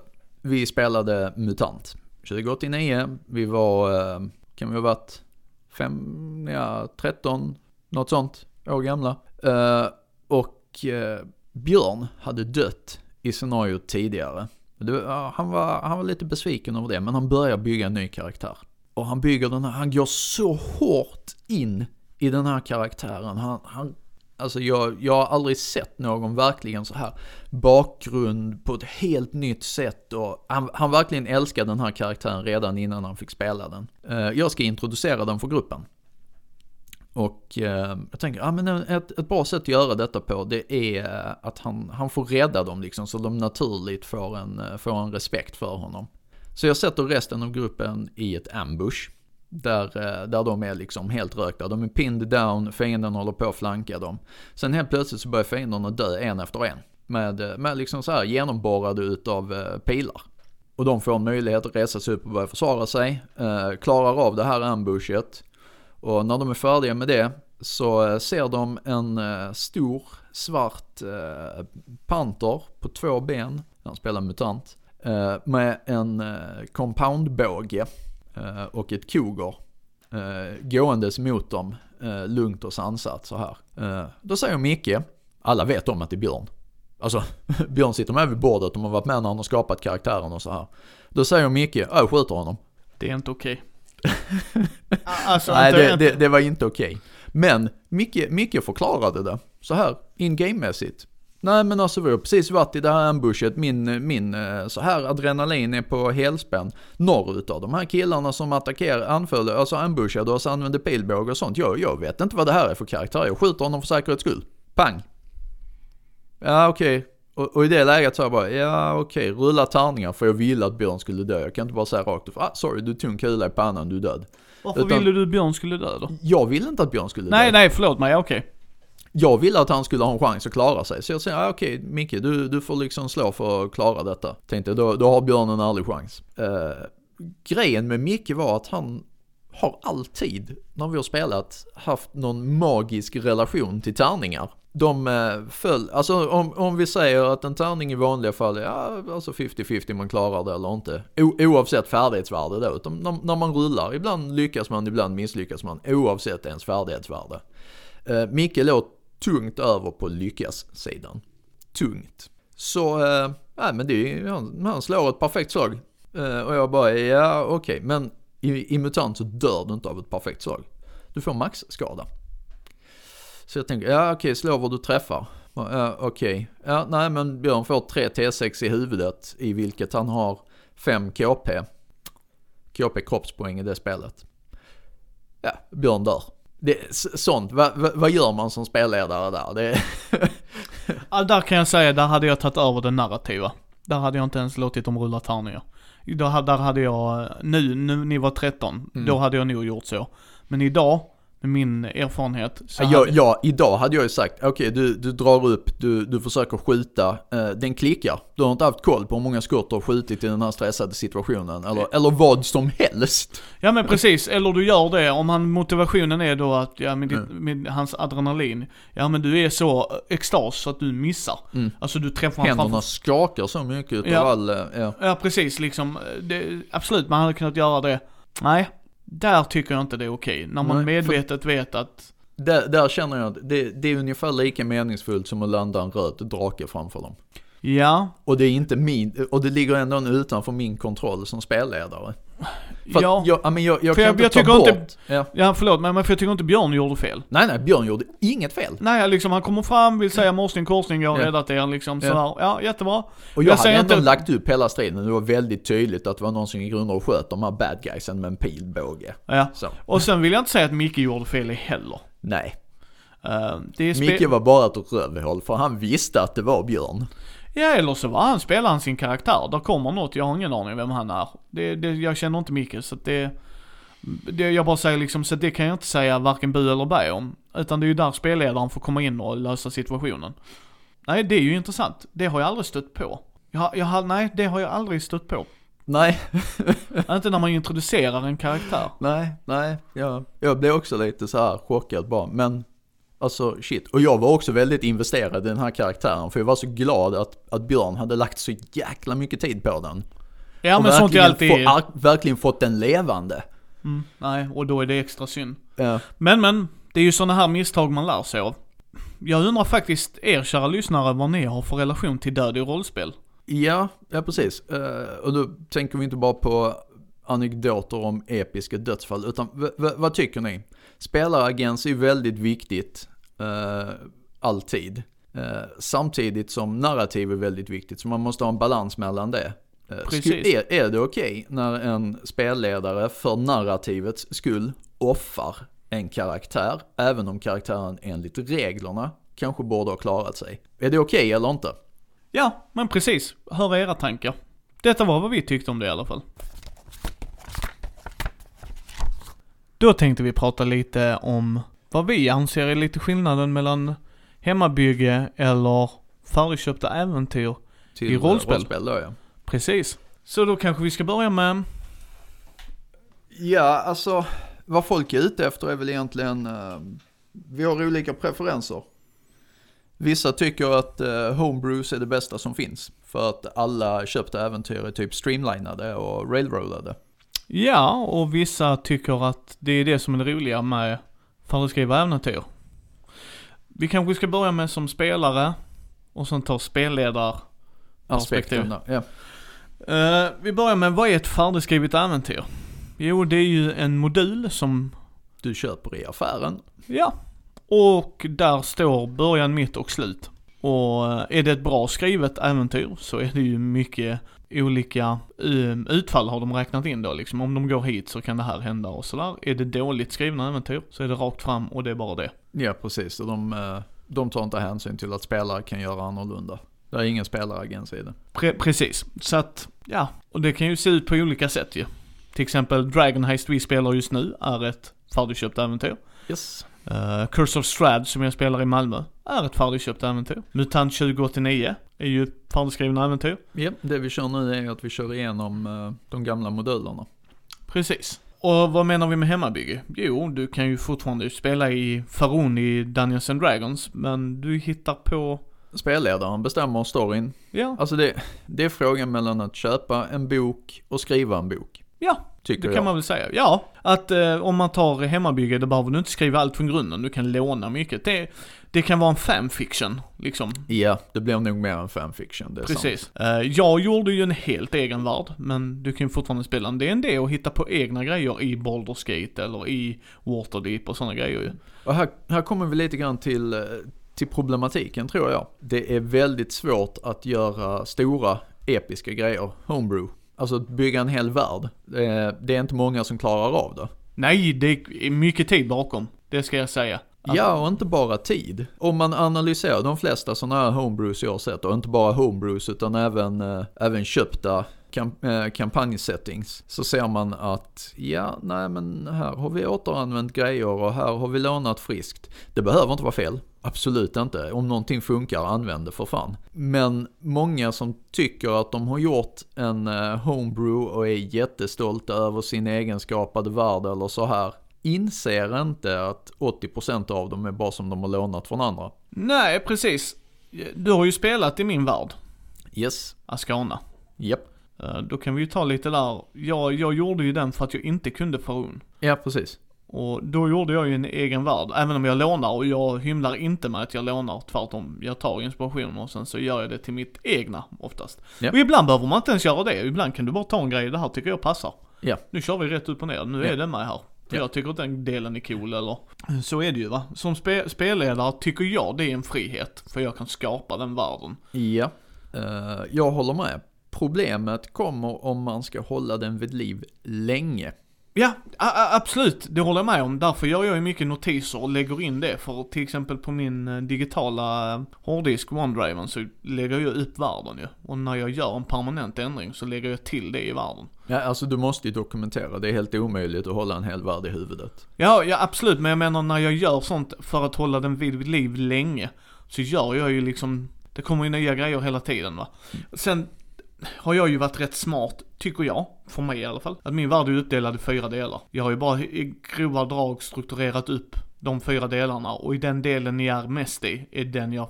Jobbar med, ja. Ja. Det är också ett vanligt nybörjarfel att man försöker göra allt på en gång. Ja, det är inte ett tips att jag har till er. Nej. Ehm, Och att eh, sätta sig ner, oh nu ska jag skapa den här staden och så, ja det är kul vi har den här staden. Ja och i den här staden finns det sex värdshus och de heter så här. Och värdshusvärdarna i varje värdshus heter så här. Och statsvakten består av så här många eh, personer. Och eh, kaptenen heter så här. Du kan ju inte, keep it simple stupid. Ja, jag, för min del behöver jag göra så. Men, men då gör jag så istället för att värdshusen är, utan då skriver jag upp hur många stadsdelar är det? Ja, det är ett fattigmansområde. Då har de en taverna som jag kommer rekommendera. Då är det den tavernan de går till. Även om där teoretiskt sett borde vara flera hundra, hundra stycken om det är en jättestor stad, spelar ingen roll. Det är den de kommer gå till. Ja. För det är den jag håller vid liv. Men återigen, då skriver jag in den när de är i stadsdelen. Sen brukar jag ha namn och sånt redo. Och sen så noterar jag det när jag använder det. Liksom skriver in det här. Detta namnet blir det. Det här blir den här karaktären. Ja. Men återigen, det är lite hur man väljer att lägga upp det och dylikt ju va. Jag kan ju säga det här att det är många nya spelledare som eh, blir väldigt entusiastiska och jag älskar det. Jag var likadan. Men de tar sig gärna vatten över huvudet när det kommer till att skapa sina egna världar. Mitt råd är att börja med en färdigskapad. Säg att man kör eh, Dungeons and Dragons till exempel. Eh, Deras Toril- introaventur är högt rankad. Så Ja, den skulle jag jag, jag, jag tänker på världen då. Alltså, eh, Toril och Faerun har utvecklats under årtionden. Under årtionden. Spela i den, lär dig käns- få in en känsla för hur en värld ska se ut eh, för att fungera. Och sen när du är bekväm med det, börja fundera på att skriva något eget. När du börjar skriva något eget, starta med det här landskapet. Bygg ut därifrån till det här landet. Det Bygg ut därifrån till de här sex grannländerna också. Ja, det ska ju tilläggas här att jag har ju spelat rollspel i ungefär 12-13 år. 30. Ja, nej men vad jag bara menar är, jag började ju inte med att skriva en egen värld. Utan jag har ju spelat som du sa. Det här är vad jag gillar i en värld och inte sådär. Men vad gillade du att spela i Ascana? Tyckte du var uppfriskande och skoj? Uh, Ascana var en bra värld. Eh, mycket genomtänkt de delarna vi tog oss igenom. Det var uppskattat. Uppsättningen utav uh, befolk befolkningen eh, var väldigt intressant med hur du hade förklarat eh, de olika rasernas uh, inbördes förhållanden och varför de höll till eh, där de gjorde. Väldigt välgjort. Ja, det var lite det. Det, det blir aldrig perfekt, men det är svårt att göra perfekt. För att, Men det finns ju inte perfekt eftersom alla spelare har sin egen eh, bild av hur någonting ska vara. Precis. Så jag, min tanke var ju att jag kunde inte Faroon, jag vill spela D&D. Vad är, vad, är, vad är ett bekvämt sätt för mig att göra? Jag gör min egen värld. Ja. Eh, och det tyckte jag var bra och jag ville göra en twist på det. Men, men återigen, jag känner ju mina spelare och vet vad de är bekväma och inte bekväma med. Eh, och ni har ju upptäckarglädjen i er. Och där kan jag ju säga nu, Micke, när vi eh, håller på med Dragon Heist. Dragon Heist ja. Du kan inte Faerun. Du Nej. har eh, tre spelare i gruppen som kan Faerun bra, några av dem extremt bra. Yes. Eh, Att hindra oss från att metaspela, eftersom vi vet mycket mer om världen än vad du gör. Ja. Det är också en utmaning. Ja, medans i min hemmagjorda värld så vet jag allt. Ja. Och sen så ger jag er information ni borde veta. Mm. Men om, om vi lyfter oss ifrån de eh, gigantiska kampanjsettingsen så har vi alltså snabba one-shot scenarion också. Ja, alltså grejen är, vi, vi kanske ska som Andy sa där, one shot, eller så här eh, homebrew, alltså hemmabygge.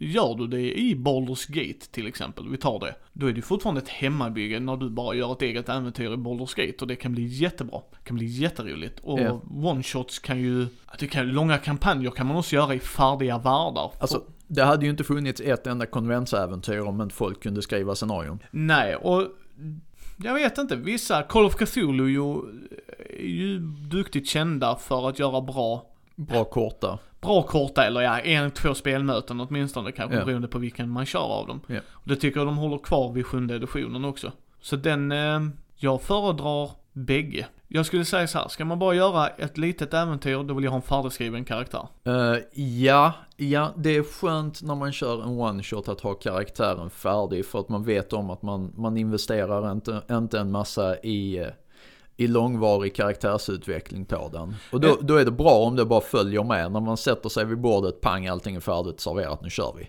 Precis, och inte bara det. Om jag sitter och skriver ett one-shot, så är Ja. det också, alltså att det är ett hemmabygge, då har jag ju verkligen lättare att skriva in en story. Här är varför du är på denna platsen, jag vet varför. Ja. Och sen fördelar jag den här informationen, här är varför du är här. Eh, jag ska ju säga att det är ju två skilda sätt för mig att spela. Långvarig kampanj och ett kort scenario. ja.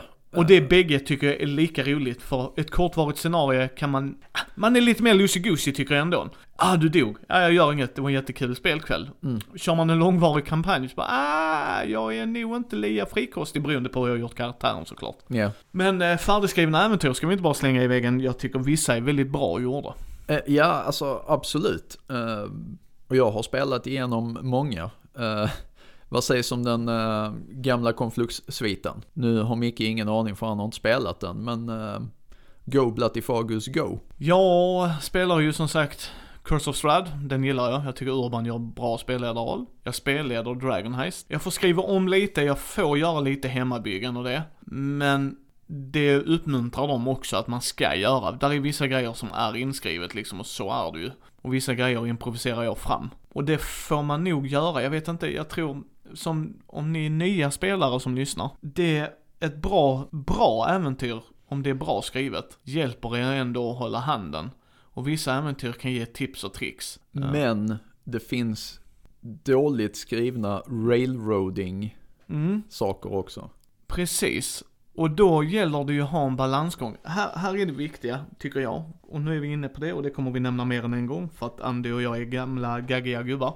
Kommunikation är A O. Kommunicera att ni kör ett färdigskrivet äventyr. Alltså säg det, jag vill prova en grej, jag vill prova att, jag tycker, för min del, färdigskrivna äventyr är bra för att prova systemet. Eh, ja, För då, då kan man se, det här gillar jag, det här gillar jag inte. Bra, nu vet jag vad jag kan rulla med. Nu tar vi bort det jag inte gillar och nu gör jag min egen värld eller använder världen där men jag sätter tempot på, ja, jag vill att den här biten ska lysas upp mer.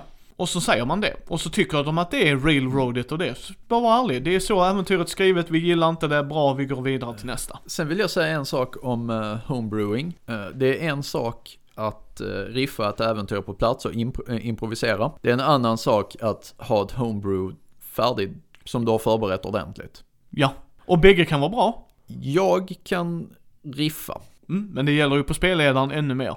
ja. Eh, men jag har en fördel. Jag har hållit på i 30 år, jag har eh, studerat teater, med mera, med mera. Men även jag skulle aldrig någonsin ge mig på att riffa någonting som sträckte sig över tre spelmöten.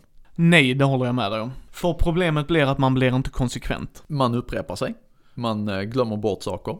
Ja, och man blir inte konsekvent. Alltså just i den grejen så bara, men så sa du inte sist. Ja, just det. Nej, det gjorde jag inte. Då får vi ta om scenen. Ah, då har vi förlorat. Då, har- då, då har vi gått ur scenen. Då är Ja. vi inte i spelet. Så det håller jag med dig om. Det är ju en balansgång va? Jag eh, ser fördelar och nackdelar med allt. Vad jag gillar med färdigskrivna äventyr är att de kan ge dig coola bossfighter eller coola pussel eller coola detektivgrejer. Alltså du kan få jättemycket inspiration. Eh, En sak som är bra med färdigskrivna äventyr är att de oftast, måste jag säga, är balanserade. När man homebrewar någonting så är det väldigt, väldigt lätt att man tänker åh shit vad coolt det här blir och sen så inser man inte hur obalanserat det faktiskt slutar med att vara. Precis. Det blir intressant. Alltså det... Ja, jag är varken för eller emot bägge grejerna. Alltså jag är för bägge grejerna kanske man ska säga istället. Jag tycker bägge har sin plats. Det, det, det coola med ett färdigskrivet äventyr, och framförallt det om det är de korta, det är att spelledaren kan läsa på och sen kör man en kväll. Och har man, som du och jag, spelat det, spelat det, spe, för nya individer, Mm. har spelat det. Så plötsligt säger de att, ja jag skulle köra lite Call of Cthulhu, vi säger vi, på lördag förmiddag är vi hemma hos dig. Nej men gör karaktärerna, det kommer ta en stund. Jag vet redan vilket äventyr vi kommer köra. Ja. För jag, jag har kört det så många gånger. Ja. Och det, det, även med Homebrew kan man göra så absolut. Men fördelen med ett färdigskrivet äventyr är att man kan ta ut den boken igen, bläddra lite, ja just det. Där hade vi det, där hade vi det, där hade vi det, bra. Ja. Nu har jag, nu har jag keynotesen liksom. Ja. Gamla Skelettbyns hemlighet kan jag utan till och jag har adapterat den till så många olika fantasy-system. Jag kan introt någorlunda till Call of Cthulhu.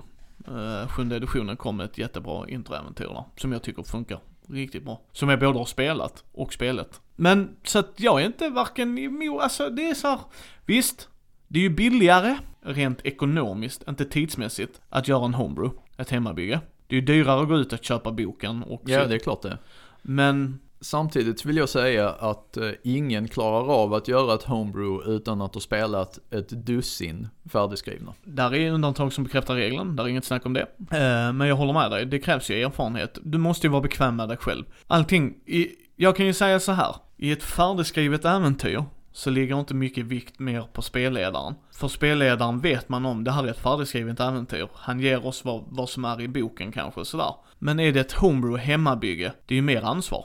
För du är ju världen på ett helt annat sätt. Spelarna kan ju inte läsa sig till världen på samma sätt. Det går liksom inte i vissa, i vissa böcker så ger de ju det här till spelarna att det här borde ni använda. Alltså läs den här delen, de här sidorna, får inte läsa förbi sidan 30 till exempel. Då kan de läsa den för att komma in i världen. Det går ju inte i ett hemmabygge om du inte aktivt väljer att skriva ner det.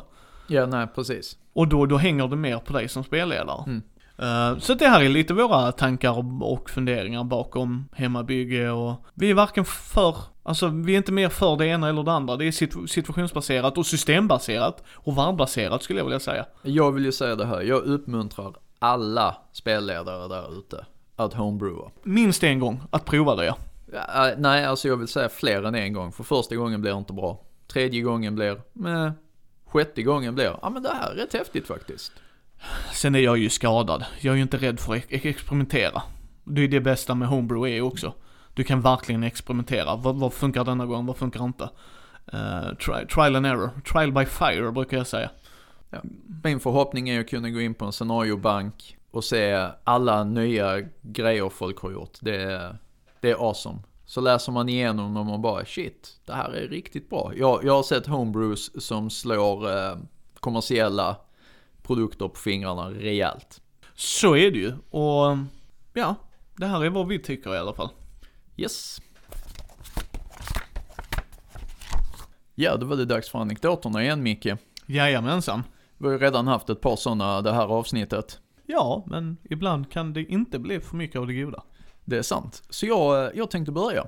Min anekdot eh, den här gången kommer ifrån Kult och är faktiskt en eh, liten screw-up, eller jag vet inte om det var det, som jag gjorde. Eh, till spelledarskärmen i Kult så följer det med ett eh, häfte med färdiga äventyr. Eh, och nu, nu är det spoilers här. Det första utav de här äventyren heter Ett in Arcadia Ego och eh, handlar om eh, hur en NPC eh, som är döende i aids bygger upp en drömvärld som han håller på att migrera in i.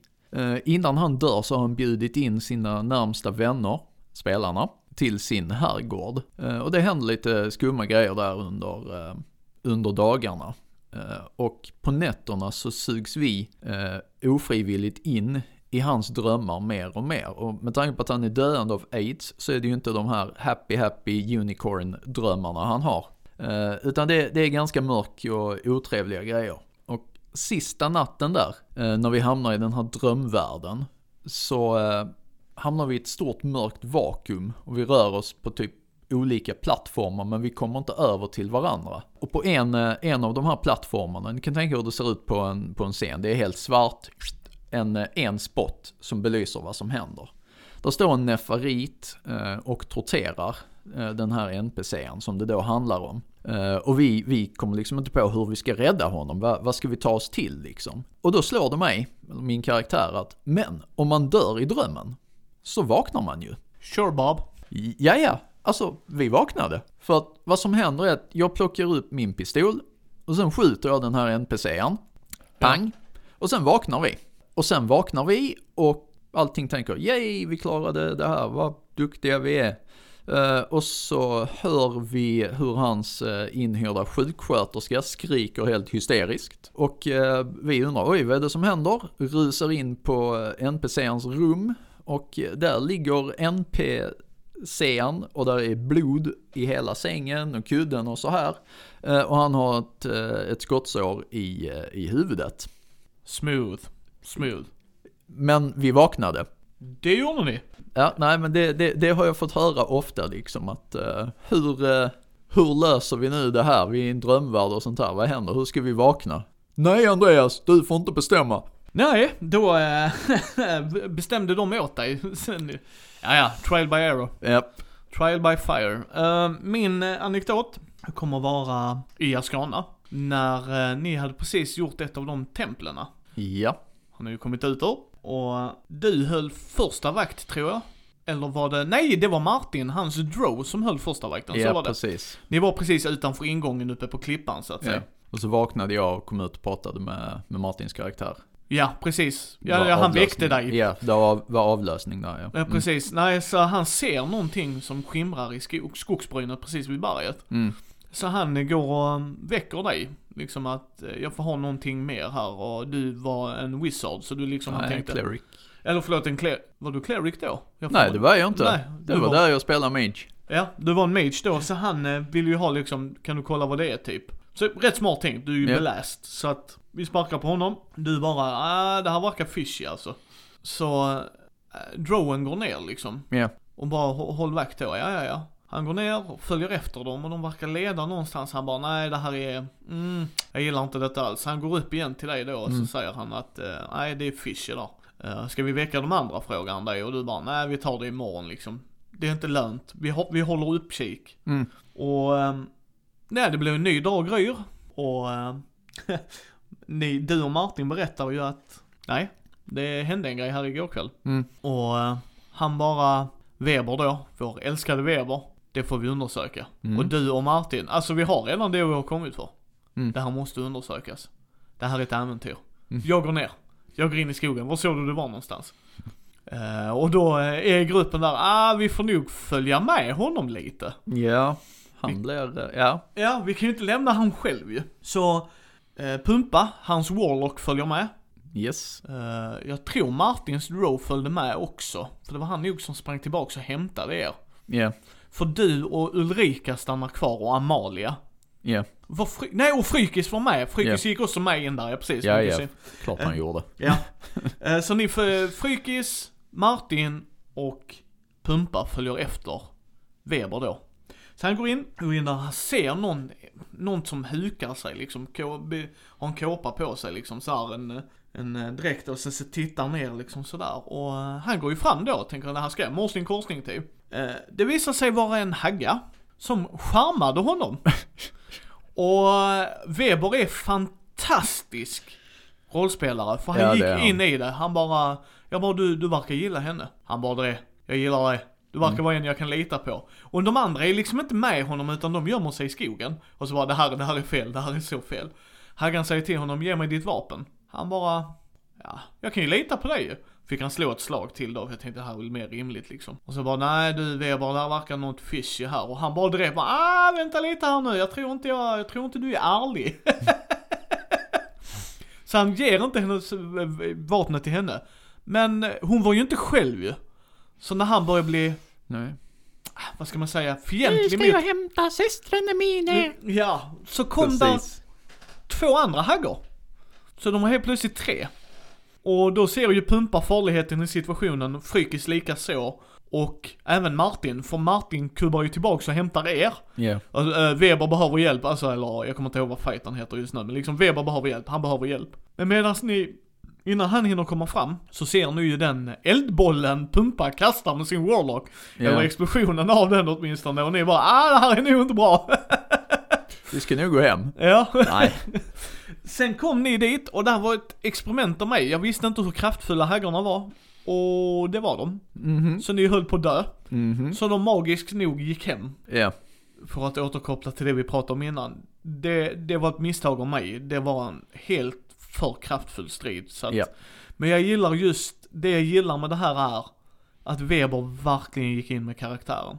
Du är charmad, du gillar dem. Och då är det inte att han försökte dra sig ur utan han bara, ja men då är jag ju det. Alltså, det var ju det som hände. Alltså jag gillar ju fortsättningen på den här historien. Ska vi ta den också? Ja det kan vi göra. Grejen var ju ni kommer ju tillbaks till staden sen. Ja.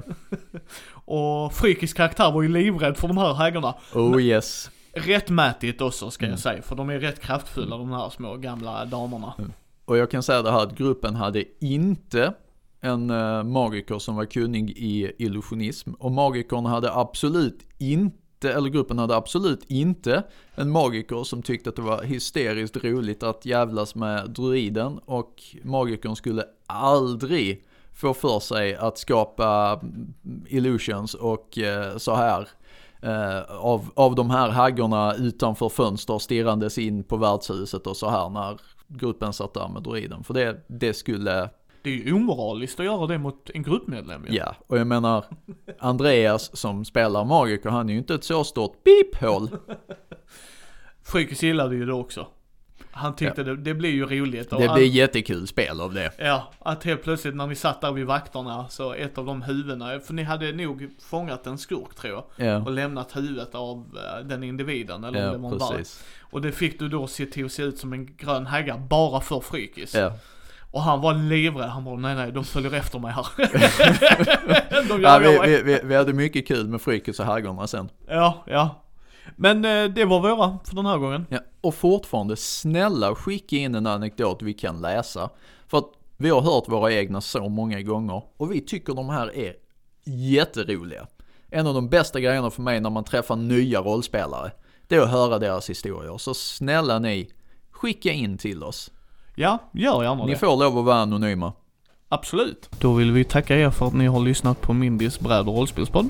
Vi vill slänga ut en liten shoutout till Laughing Halfling för att vi fick eh, låna lokalen igen och sitta och spela in. Kom gärna förbi deras Facebook. Finns information på vår hemsida som sagt. Eh, har ni några frågor och funderingar så är det ju bara att slänga ut ett mail till oss på info.mindy.nu eller mindy.mindy.nu. På återseende.